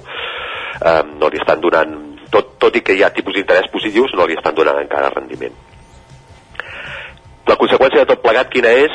Doncs que en l'acumulat dels dos primers mesos de l'any els beneficis de la banca s'han disparat més del 30% i si els sumem tots han guanyat no són pocs diners 16.000 milions d'euros eh? i amb, amb, amb pujades espectaculars com en el cas del BBVA que, són, que pujan més del 40% Molt bé eh, el, el Banc Santander ha tingut en 9 mesos, eh, no, no, encara no és l'acumulat de l'any, han tingut un benefici de, de més de 7.000 milions d'euros amb un creixement de més del 20%. És a dir, no, no, no són creixements petits els que, els que han tingut, no? En el tercer trimestre, en aquest tercer trimestre de l'any, l'expectativa pels resultats de la banca era superior a altres períodes perquè es podia fer una primera valoració de l'evolució del negoci des de l'escalada dels tipus d'interès, eh? Una escalada de tipus d'interès que ha sigut a partir d'una reacció eh, del Banc Central Europeu eh, amb una inflació desbocada que en el cas d'Europa eh, frega el doble dígit. En el cas de Catalunya avui hem tingut dades que es mostrarien més favorables, eh? eh per, per dir-ho d'alguna manera, estem lleugerament per sobre del 6%, eh, que això queda lluny d'aquells nous i gairebé 10% que, que havíem tingut mesos enrere. Eh, aprofito poso la falca eh, amb, amb, amb les dades que, que aquestes són fresques d'aquest matí, diguem-ne, no? Sí. Um, doncs això, eh, dèiem que hi havia aquesta, um, la, la, les expectatives per la, la presentació dels resultats dels bancs uh, um, s'havia produït per això, eh, perquè, perquè es, es començava a veure un primer efecte d'aquesta pujada de tipus d'interès i també perquè el previsible increment de beneficis bancaris com també els energètics, eh, eh, són la base de la proposta del govern espanyol de crear aquest impost especial per tots els sectors. Eh? L'impost temporal eh, pels dos propers exercicis, amb els quals, en el cas de la banca, preveu ingressar uns 1.500 milions d'euros l'any. Ja veurem si aquestes previsions del govern sobre quins ingressos tindran sobre qüestions fiscals acostumen a ser molt optimistes.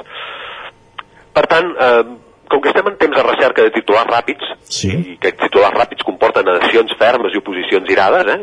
no, no, no, no hi ha grisos aquí. Eh? Estàs parlant de Twitter. Estem parlant de Twitter i estem parlant també de, de, de reaccions que, de, determinats, eh, de determinades formacions polítiques. Eh? Vull dir, no, no, moltes vegades no cal anar a buscar quin, quin troll de Twitter, Twitter ha dit cosa. Eh? Mm, Només cal veure que, que diuen feijós i coses així i ja, ja veus que aquí tot, tot... No sé, estem en un temps una mica de eh, de, amb, amb un temps una mica de mal humor en general, se'n fa l'efecte i mm, dèiem eh, s'ha donat un titular fàcil sobre l'impost de la banca i evidentment les, les reaccions han estat això, eh, adhesions eh, molt, molt, molt incontestables diguem-ne o, o, o posicions igual d'incontestables. De seguida que el govern va anunciar que faria aquest impost, aquest, aquest impost eh, suposa gravar un 4,8% els ingressos sobre les comissions i interessos de la banca, eh, van sortir doncs, coristes a cantar les excel·lències i profetes de l'apocalipsi a anunciar que tots els mals caurien sobre l'Estat si s'acabava imposant aquesta taxa. Els matisos sempre són pels altres. I, en canvi, de matisos n'hi ha. Intentem posar una cosa sense que, sense que hagi de ser això, eh, una reacció de mal humor. Eh? Eh, ja el fet cert, eh? la banca està obtenint beneficis extraordinaris a costa del creixement de tipus d'interès i no acaba de ser del tot just que aquests beneficis quedin només a les butxaques dels accionistes dels bancs.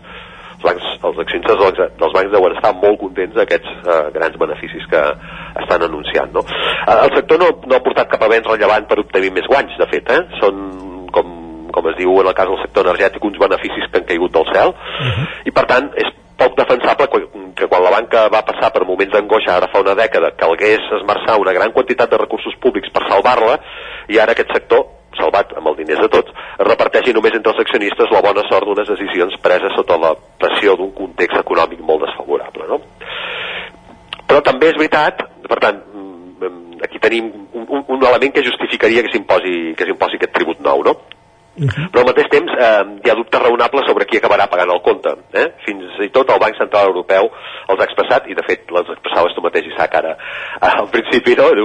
ja tenim clar qui acabarà pagant. No? Eh, com que el control sobre les Som comissions... molt pensat jo també. Sí. Sí, com diuen en castellà, pensa mal i acertarà. Exacte. Uh, doncs el control sobre les comissions que cobren els bancs eh, si no és inexistent com a mínim és lax eh, i no gens agosarat preveure que l'impost s'acabi traslladant als clients finals mm -hmm. i que la, banca, la banca faci el que fa sempre que és eh, guanyar, eh? la banca sempre guanya el dictamen del Banc Central Europeu no només alerta del risc eh, que, el, que, el, que el cost de tribut acabi repercutint als clients sinó que gairebé ho esperona quan afirma que espera que les entitats reflecteixin en els preus dels préstecs tots els costos pertinents i sobretot fa una mostra de sentit comú quan adverteix de les dificultats que comportarà el control de pràctica, de, de la pràctica de carregar el, sobre aquest sobrecost. Eh? De fet, l'Eurobanc no veu clars quins mecanismes de verificació tindran les entitats que s'han decidit que, que faran aquesta funció, que són la Comissió Nacional de Mercats i Competència i el Banc Central i el Banc d'Espanya. En, en definitiva, el Banc Central Europeu ha optat per alinear-se amb els criteris de la banca, això sí, sense ofegar el govern amb un dictamen que més eh, no és vinculant. Uh -huh. Hi ha algun passatge de, de l'informe del Banc Central Europeu, els extrems més exigents del qual eh, el govern manifesta que, que ja havia tingut en compte, doncs algun passatge donaria la clau sobre com s'ha de procedir. Per exemple, demana al govern que faci una anàlisi més exhaustiva sobre els efectes d'aquesta mesura, eh, ja, no, no ja sobre els bancs, sinó sobre la mateixa activitat creditícia, ja que hi ha el risc de que les condicions per, per, per donar un préstec siguin més exigents i això encara greuja la situació de determinades economies que estan en dificultats. I amb això estem d'acord, eh? cal una anàlisi més exhaustiva, però també hauríem d'entendre que, eh, que amb una banca amb beneficis rècord eh, hi hagi alguna aportació eh, a, fer, a fer en el col·lectiu. Ho anirem seguint a veure com evoluciona aquest impost a, a la banca. Avui amb en Joan Carles hi hem fet una primera pinzellada. Moltíssimes gràcies, Joan Carles. Gràcies bon a vosaltres, bon dia. Bon dia. I el que fem tot seguit del territori 17 és una petita pausa. 3 minuts i tornem. Piolades i territori dona. Tot seguit, al territori 17. El nou FM, la ràdio de casa, al 92.8. Als teus fills els agrada la tecnologia? Apunta'ls a Codelern, l'extraescolar de programació i robòtica que els ajudarà a preparar-se per al futur i a ser creadors de tecnologia. Gràcies al mètode Codelern, cada alumne aprèn al seu ritme i pot començar quan vulgui. Us esperem a la Ronda Francesc Camprodon número 45 de Vic. Més informació a codelern.cat. La Piga descobriràs un nou centre de reforç escolar i anglès per tots els nivells i edats. La Piga és un espai de creixement per a infants, adolescents i famílies acompanyat d'un servei de logopèdia i psicologia. Vine, t'informarem de la nostra oferta i aprofita les nostres promocions i descomptes per nous clients. La Piga, passatge Germana Carme Mascaradors de Vic, telèfon 633 01 90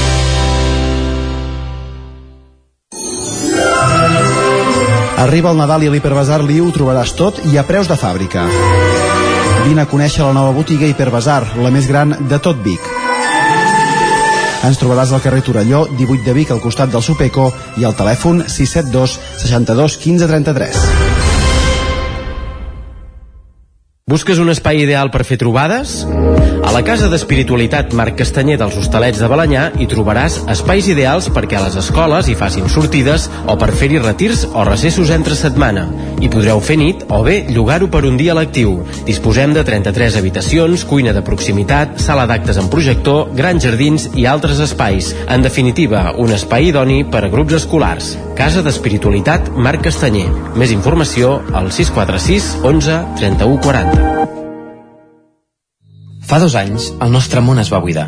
I avui els plats de moltes famílies segueixen buits. Per això aquest any tornem a omplir-nos. Els dies 25 i 26 de novembre Suma't al voluntariat. omplim les caixes de solidaritat. Omplim el banc dels aliments. Registra't a granrecapta.com. Ajudar a omple. Has esperat que arribi el fred per comprovar si et funciona bé la caldera? No pateixis, a Casa Jové som especialistes en manteniment, reparació i revisió d'equips d'aigua calenta i calefacció, tant en l'ambient domèstic com industrial. Si tens una avaria, no ho dubtis. Som Casa Jové. Ens trobaràs al carrer Girona, número 9 de Vic, i al telèfon 93 886 1596. Casa Jové, el teu servei tècnic de confiança. Anuncia't al 9FM. La màquina de casa. 9 3 8 8 9 4 9 4 9. Publicitat arroba al 9FM.cat. Anuncia't al 9FM. La publicitat més eficaç. El 9 FM, el 9 FM, el 9 FM, el 9 FM, el 9 FM.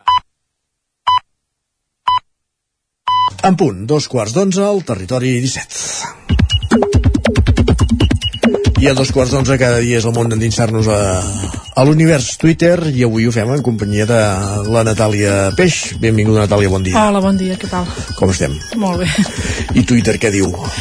Doncs eh, agafo el relleu del titular de la secció d'en Guillem Sánchez, que eh, ahir crec que es va comprometre a parlar del retorn de crims. Sí. És així? Correcte.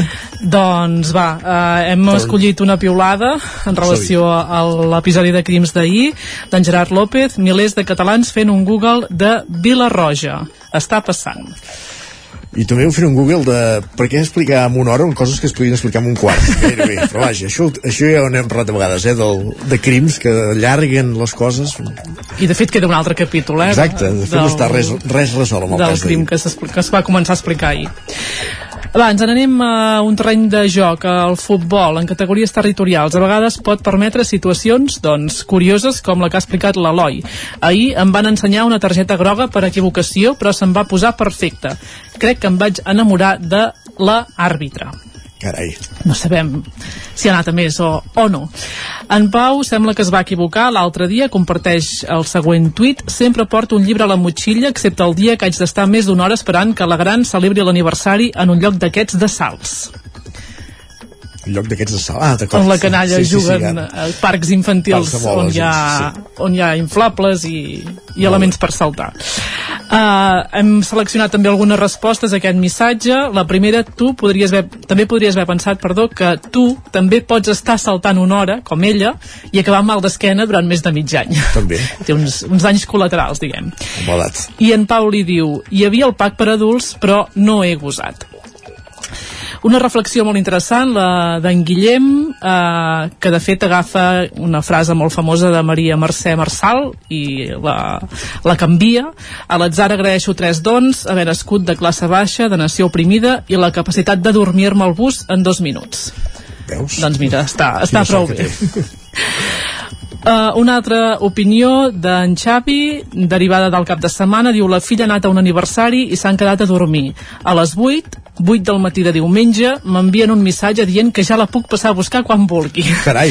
Aviam, pares que organitzeu aquestes coses. Així, no. no sabem com, com havia anat la nit, eh, perquè arribi el missatge a les 8 Això del vol dir que matí. van fer bondat i van dormir d'hora. Sí, segur. Hem d'imaginar. Uh, un apunt d'agenda que ens recorda la Montse Iats, gent d'Osona aquest dijous a les 7 al casino amb el Cercle de Lectura parlarem de la situació de l'associacionisme cultural a la nostra comarca amb en Xavier Mingo, deixebles de Sant Feliu l'Orfeo Bigatà, la Xes Osona en Mar Riera i la Mònica Jofre i tots els que hi vulgueu participar i per acabar un anunci que ha fet aquest matí Guillem Roma a les xarxes socials ha sortit la seva nova cançó que es diu Un lloc i ens diu que ja la podem escoltar a Spotify i que demà s'estrena el videoclip a l'Enderroc Doncs va, demà escoltarem aquest nou videoclip de, de Guillem Roma. Gràcies, Natàlia. Que vagi bé. Bon dia.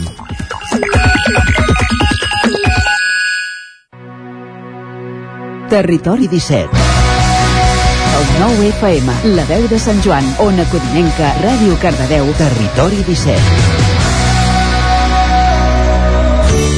Territori 17 amb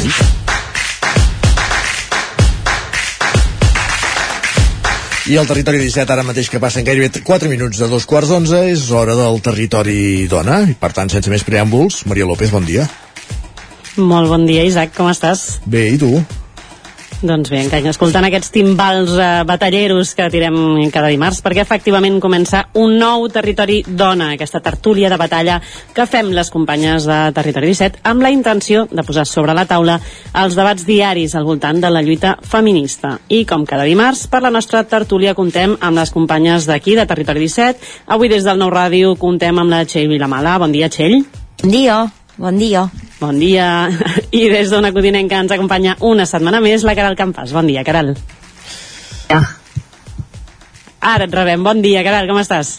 Bon dia, bé, bé, molt bé. Bé, bé. Avui, però, no estarem soles, i és que tant la Txell com la Caral ens porten persones convidades pel tema d'avui, i és que avui tirarem de dies mundials de, perquè aquest dissabte 19 de novembre se celebra el Dia Internacional de la Dona Emprenedora.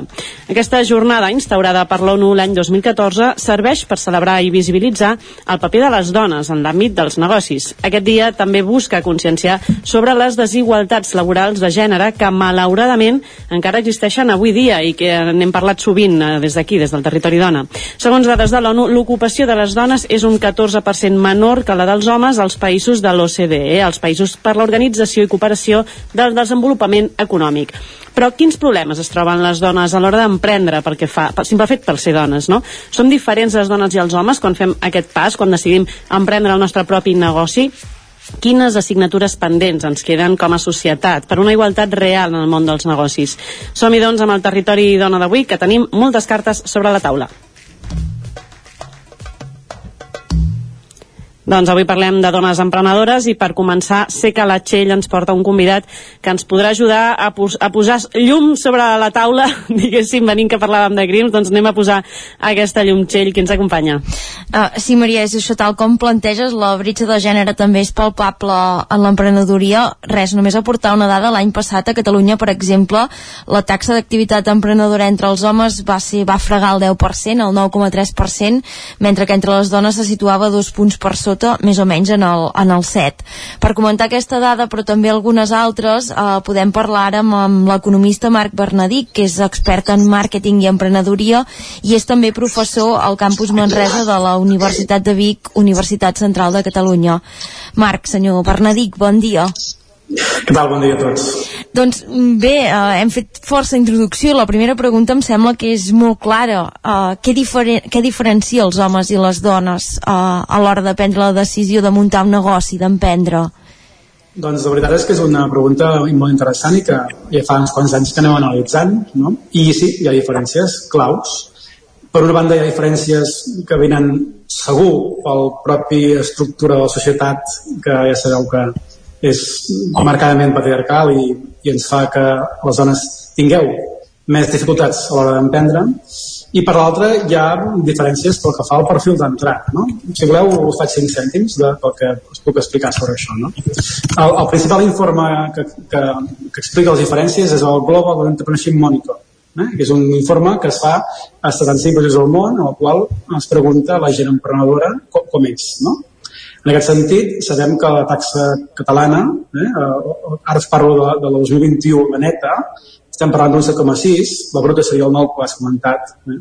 I, la, i pel que fa la, la femenina és 0,7 punts per sota, és és, és un 6, 6 caix. No? Per tant, tenim menys dones que emprenen que homes.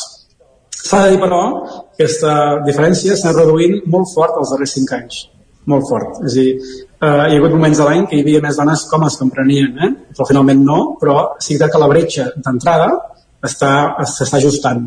És una molt bona notícia. Mm? Però per contra, si fixem les dades, doncs direm que els abandonaments doncs, són molt més importants amb les dones que amb els homes.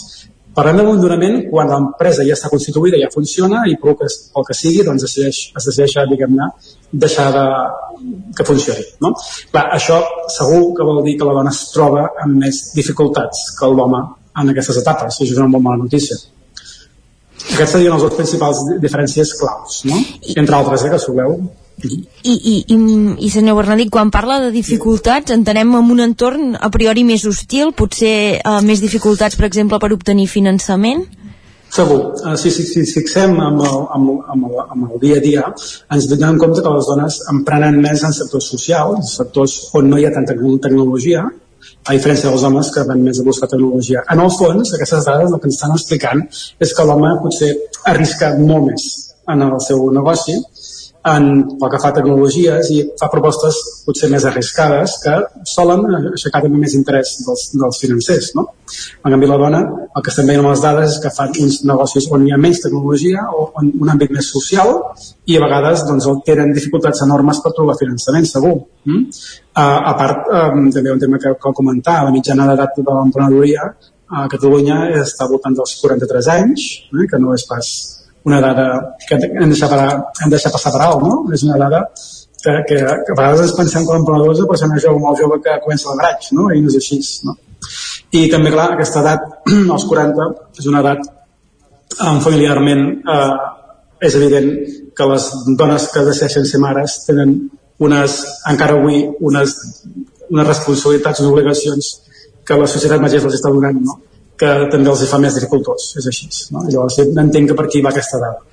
Clar, aspectes com la conciliació, el que comentava ara és evident que influeixen, també entenc que probablement hi ha una part personal del fet que les dones, precisament per aquest pòsit, aquest pes d'anys, tenim mm. més frens i, i moltes més, més pors?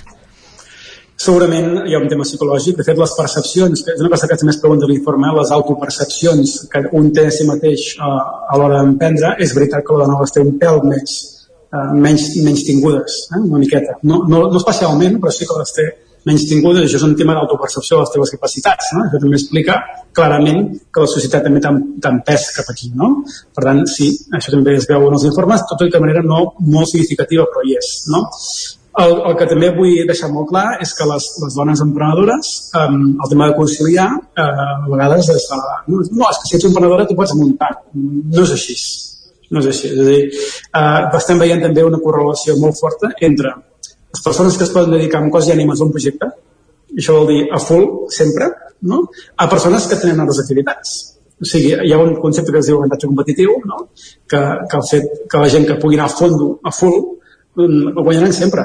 No? Llavors, aquesta, en aquest, aquest àmbit, doncs, com que encara tenim una desigualtat clara en les tasques, en moltes coses de la societat, fa que la dona hi surti perdent.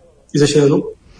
I, I la dona, diguem, que fa el pas, això de muntar un negoci, a vegades després se l'acaba titllant també de superdona, no? Sembla que ho, pugui, que ho pugui fer tot. Això pot ser contraproduent, és a dir, es pot acabar convertint també en una pressió a, afegida? Segur. De fet, fer emprenedors ja ens diuen que som superemprenedors, no? Ja ens, ja ens diuen tots. Però és que dona encara més i aquesta pressió hi és, no? I això també pot fer que en moments de, de certa... Emprendre no és gens fàcil, gens, és la tasca més difícil que existeix en el món de l'economia, no? En moment de certs dubtes que existeixen, no? El famós Deep Valley, que diuen, no? El famós que doncs, bueno, si ja tens una moral una mica menjada, doncs és més fàcil que diguis que ho tiro, no? Per tant, sí que aquesta pressió sobreafegida segur que també acaba, acaba decidir l'emprenedora a deixar-ho, no? I aquí explicaria també la, el diferencial que tenim de fracàs, no?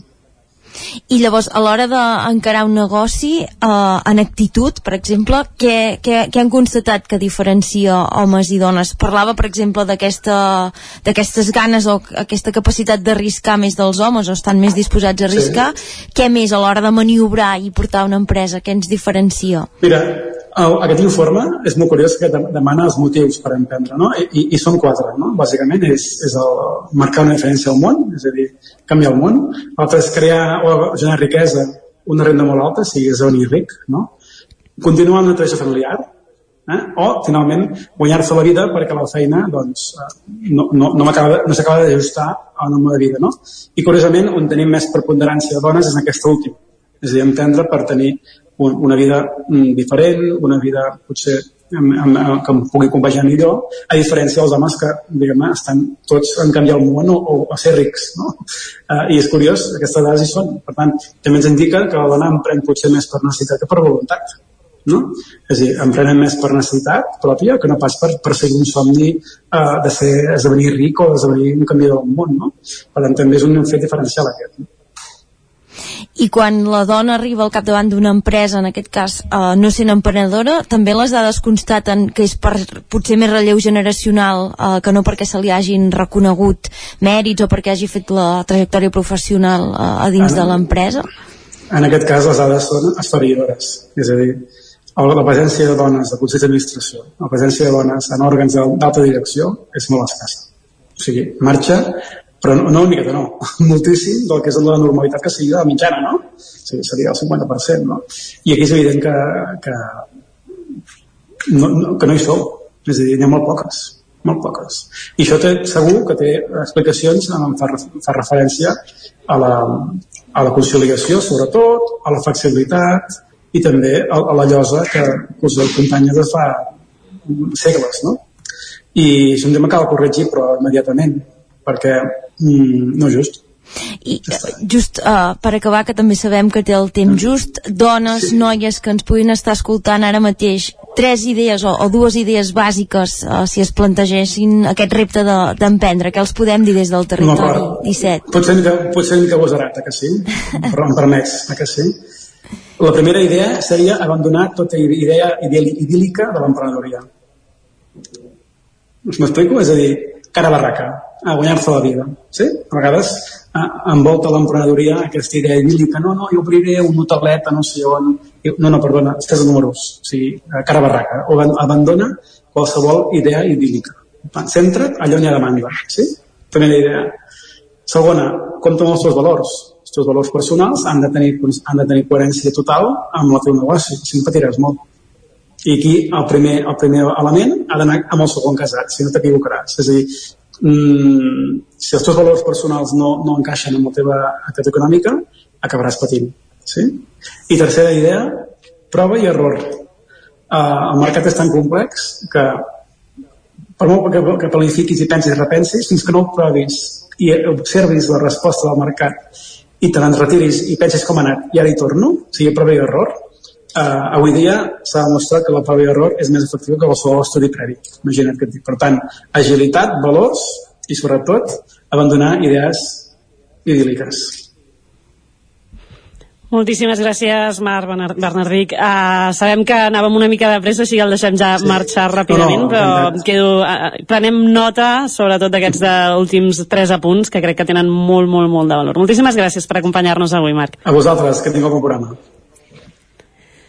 Doncs eh, interessantíssimes aquestes aportacions que es, ens feia el Marc Bernardic i jo em quedo sobretot, que m'ha creat molt d'atenció amb aquest apunt, el que fa a la seguretat en una mateixa, que sembla que també és un dels propis impediments i en els que d'alguna manera ens encoratja a seguir treballant per l'empoderament de propi i de la propera generació, que segurament fan una miqueta millor que nosaltres. Però també volem conèixer, a part d'aquestes dades i tota aquesta informació que ens ha aportat en Marc Bernardic, eh, com es viu això en primera persona i com d'alguna manera es pot ajudar col·lectivament per tirar això endavant. Així que, Caral, jo crec que tens una altra convidada molt especial que també ens pot ajudar a, a saber una miqueta més d'això.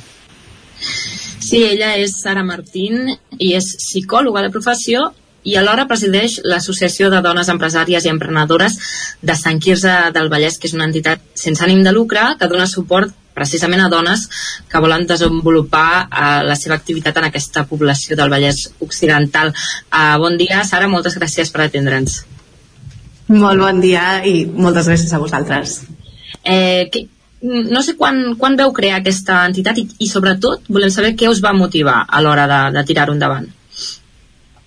Doncs aquesta entitat és molt jove dins de tot el procés d'emprenedoria perquè ni tan sols portem, eh, no hem complert encara els 5 anys d'associació i ja tenim més de 60 sòcies que formen part d'aquesta entitat sí, que una trajectòria molt breu, que de fet ens va portar una trobada entre dones emprenedores eh, en una formació que l'Ajuntament de Sant Quirze feia. A més, el, la formació era un, dona un pas més no?, amb aquest títol i vam decidir donar-lo i constituir-nos com a entitat eh, què veu detectar en aquesta, en aquesta reunió inicial, no? Aquest donar un pas més, veu, veu veure que teníeu, no sé, problemàtiques comuns o afegides pel fet de, de ser dones, que, com va anar?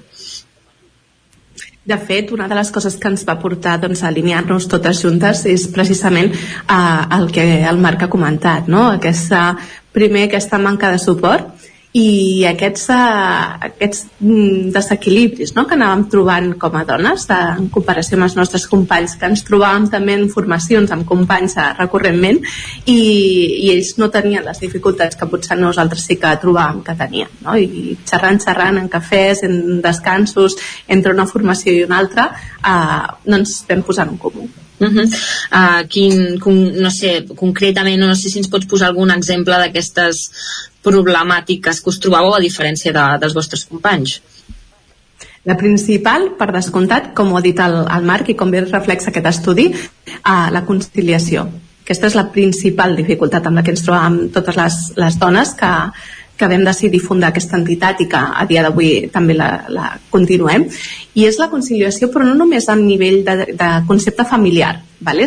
perquè moltes vegades es parla de conciliació familiar com a responsabilitat de uh, fer-se càrrec de la criança o de la cura dels nostres mm -hmm. majors, etc. sinó la conciliació en general és a dir, poder disposar de temps que no estigui en altres àmbits i que no ens ocupin altres àmbits per aquest projecte professional. Crec que això és molt important perquè a dia d'avui encara continuem amb aquesta dificultat no? de, de conciliar, de trobar espais per no caure en aquest concepte, no? com dèieu, de superwomans, sinó de persones eh, professionals que desenvolupem la nostra trajectòria i que alhora doncs, tenim altres àmbits doncs, eh, domèstics, altres àmbits de parella, altres àmbits familiars, altres àmbits d'autocura, no? on, on és molt important també treballar. Uh, l'entitat, per tant, facilita no, que es creïn sinèrgies, suposem, eh, entre les usuàries per tal de, de poder-vos no donar suport uh, mutu en aquestes problemàtiques comuns? Exactament, de fet aquest és un dels principals punts forts no? pel que sempre acompanyem o convidem a, a, que, a que siguin part de, de la nostra entitat perquè el suport que nosaltres eh, ens donem entre les pròpies sòcies no? Eh, som una estructura molt horitzontalitzada de, de molta col·laboració, de voluntariatat i aquest acompanyament no només professional, perquè al final l'entitat ens dona una plataforma on difondre i projectar els nostres negocis, els nostres projectes, eh, on també tenim formacions i activitats que, que fem, sinó també aquest recolzament també emocional, no? aquest recolzament també en les relacions personals perquè com bé eh, es parla sempre no? l'emprenedoria és una trajectòria és un camí molt solitari on ens trobem a vegades amb portes tancades de, dels propis organismes oficials, no? que no, no personalitzen o no consideren les particularitats de cadascuna de nosaltres i en aquest sentit tot, moltes vegades necessitem compartir-ho, sentir que hi ha algú amb qui podem comptar i sobretot un dels projectes més macos no? que, que és el mentoratge no? el poder-nos acompanyar unes a, un, a les altres amb la nostra batxa professional Uh, parles de portes tancades de, de les organitzacions. Uh, què, què hauria de canviar no? a les inst institucions uh, per, per facilitar aquest, uh, doncs aquesta emprenedoria de, de les dones i millorar la problemàtica que hi ha? Primer, evidenciar uh, o ser, fer palès, no? fer conscient que existeix una desigualtat en el moment que tots assumim que existeix aquesta desigualtat, el com podem parlar, el com ens podem relacionar, eh, les particularitats de cadascun dels casos eh, es poden contemplar, no? però sobretot una de les demandes que fem sempre és la personalització. No? Eh, moltes de nosaltres emprenem eh, en àmbits socials, per exemple doncs, eh, soc psicòloga i estic en, en l'àmbit de la clínica, i, però també tenim companyes que emprenen en àmbits doncs, eh, més eh, tradicionalment masculinitzats. Llavors, en aquestes eh, companyes moltes vegades han de demostrar també les, el seu valor per sobre no? I, i es troben amb aquestes portes tancades que dins d'organismes oficials doncs, eh, no valoren doncs, el fet de, de que sigui un professional més o una professional més no? que està accedint a una subvenció, etc o les característiques de, de la, dels organismes no? que tenen uns horaris molt concrets i doncs, això dificulta molt la conciliació amb altres àrees. Clar, eh, quins àmbits són aquests que, que comentes, de, on hi ha no? més portes tancades? En, comentes de professions que potser són més masculinitzades. Quins serien, més o menys? Parlem de tot el que és STEM, o sigui, tots els àmbits STEM, és la, la, la part tecnològica, la part de uh, ciències, la part més uh, doncs, de laboratoris, més uh, de gestió inclús, no? Ens trobem moltes vegades que tot el que és gestió uh, doncs de, de administració, empreses que es dediquen a donar serveis a altres empreses, doncs en aquí hi ha una desigualtat molt, molt, molt evident. Mm -hmm. Molt evident, eh, comentes fins i tot a l'hora de demanar subvencions. Com, com es materialitza aquesta desigualtat? Doncs moltes vegades no s'accedeixen o la dificultat de presentar tots els recursos o inclús a l'hora d'obrir uh, rondes de, de finançament. No? Quan, quan accedim a moltes d'aquestes rondes d'inversors uh, existeix aquesta discriminació no? i sobretot amb criteris doncs, com, com abans parlàvem. No? Uh, L'emprenedoria s'inicia normalment aquí a Catalunya a partir d'una franja d'edat on aquestes responsabilitats o càrregues poden ser més, uh, més paleses, per tant, doncs, poder estar al 100% en, en aquests espais, no? Llavors, davant de tot això, entenc que l'Associació de Dones Empresàries i Emprenedores de, de Sant Quirze del Vallès ofereix eh, recursos. Quina mena d'activitats feu o propostes eh, teniu per les vostres socis? Doncs fem des de a, formacions a, a, molt orientades. Tenim un, una comissió de formacions que treballa moltíssim per rebre sobretot quina és aquesta necessitat de les nostres sòcies no? i estan molt actualitzades. De fet, doncs, eh, tot el que és el tema de, actualment de digitalització dels negocis, a poder accedir doncs, a aquestes uh, propostes, estem molt uh, encaminades a donar suport i informació sobre les noves normatives, no? els canvis que ara uh, tindrem en, en quotes d'empresaris, de, etc. Doncs precisament va molt dirigides a aquesta actualització, però també a la potenciació, com dèiem abans, de l'empoderament no? de les nostres sòcies. Uh, sí que és cert que uh, com a persones emprenedores tenim a vegades un viatge que hem de, hem de salvar, no? i és aquest empoderament personal, no, creuen, no caure en l'error de voler ser superwomans, no caure en l'error de voler arribar-hi a tot, o de ser eh, aquest perfeccionisme i aquesta autoexigència que moltes vegades són trampes que nosaltres mateixes ens posem, no? sinó saber delegar, saber conciliar, saber responsabilitzar-se de, de tot, crec que són paraules claus molt importants i al final nosaltres el que, el que sempre parlem, no? que juntes sumem, però sumem sempre des de la professionalització. Escolta, Sara, teniu alguna activitat preparada per aquest dissabte ja o no? Doncs precisament avui estan moltes de les companyes en una activitat que no és tan professionalitzada, però sí que porta molt, és molt important perquè des d'arrel de la pandèmia estem fent unes trobades on fem unes caminades per tot el que és la, la Serra dels Galliners, etc. Eh, on d'una manera molt lúdica, molt en un ambient relaxat, podem doncs, fer un networking de qualitat, acabar de conèixer-nos i també cuidar-nos. Doncs escolta, és que jo he estat tafanejant una mica la vostra web i la veritat m'han entrat ganes de muntar una cosa ni que sigui per venir aquestes coses que organitzem, que la veritat que tenen molt bona pinta. Moltíssimes gràcies, Sara, moltíssimes gràcies per explicar-nos una miqueta com, com funcioneu i acompanyar-nos a la jornada d'avui del Territori Dona. Fins la propera, Sara. Gràcies a vosaltres. Adéu. Doncs eh, acomiadem a la Sara i animem també a totes les dones emprenedores, per què no, a celebrar la jornada d'aquest dissabte. I si us sembla, Txell, Caral, nosaltres de moment anirem tancant el territori dona d'avui i ho farem amb música, que és com volem tancar aquests dimarts. Aquest cop de Uh, aquest cop uh, la cançó vindrà de la mà de, del diluvi, perdoneu, uh, i el seu I tu sols tu. Així que, si us sembla, us deixem amb el diluvi i tornarem dimarts vinent amb més debat i més lluita d'un nou territori dona. Ets la forta tempesta d'abril, el sol que esclata les flors, un oasi amarg pels teus enemics, l'esporta que brilla la nit.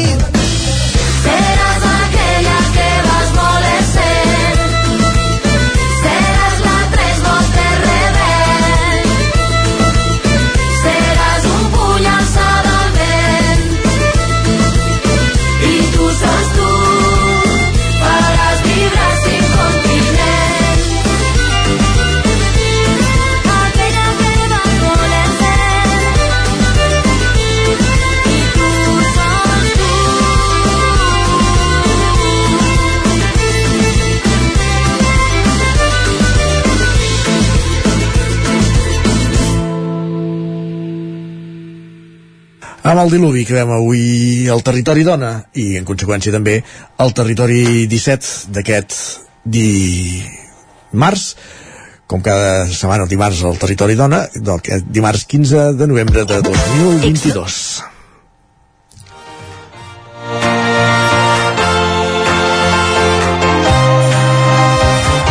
Un territori 17 que hem començat a les 9 del matí i en el qual us hem acompanyat Isaac Muntades, Pepa Costa, Gil Salvan, Joan Carles Arredondo, Natàlia Peix, Pol Grau, Caral Campàs, Txell Vilamala, Maria López, Sergi Vives i Isaac Moreno.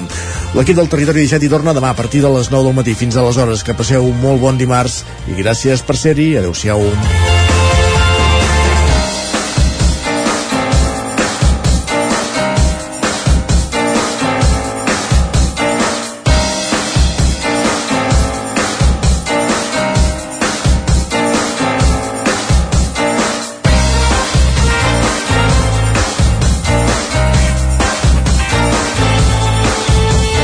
Territori 17, un magazín del nou FM. La veu de Sant Joan, Ona Codinenca i Ràdio Cardedeu amb el suport de la xarxa.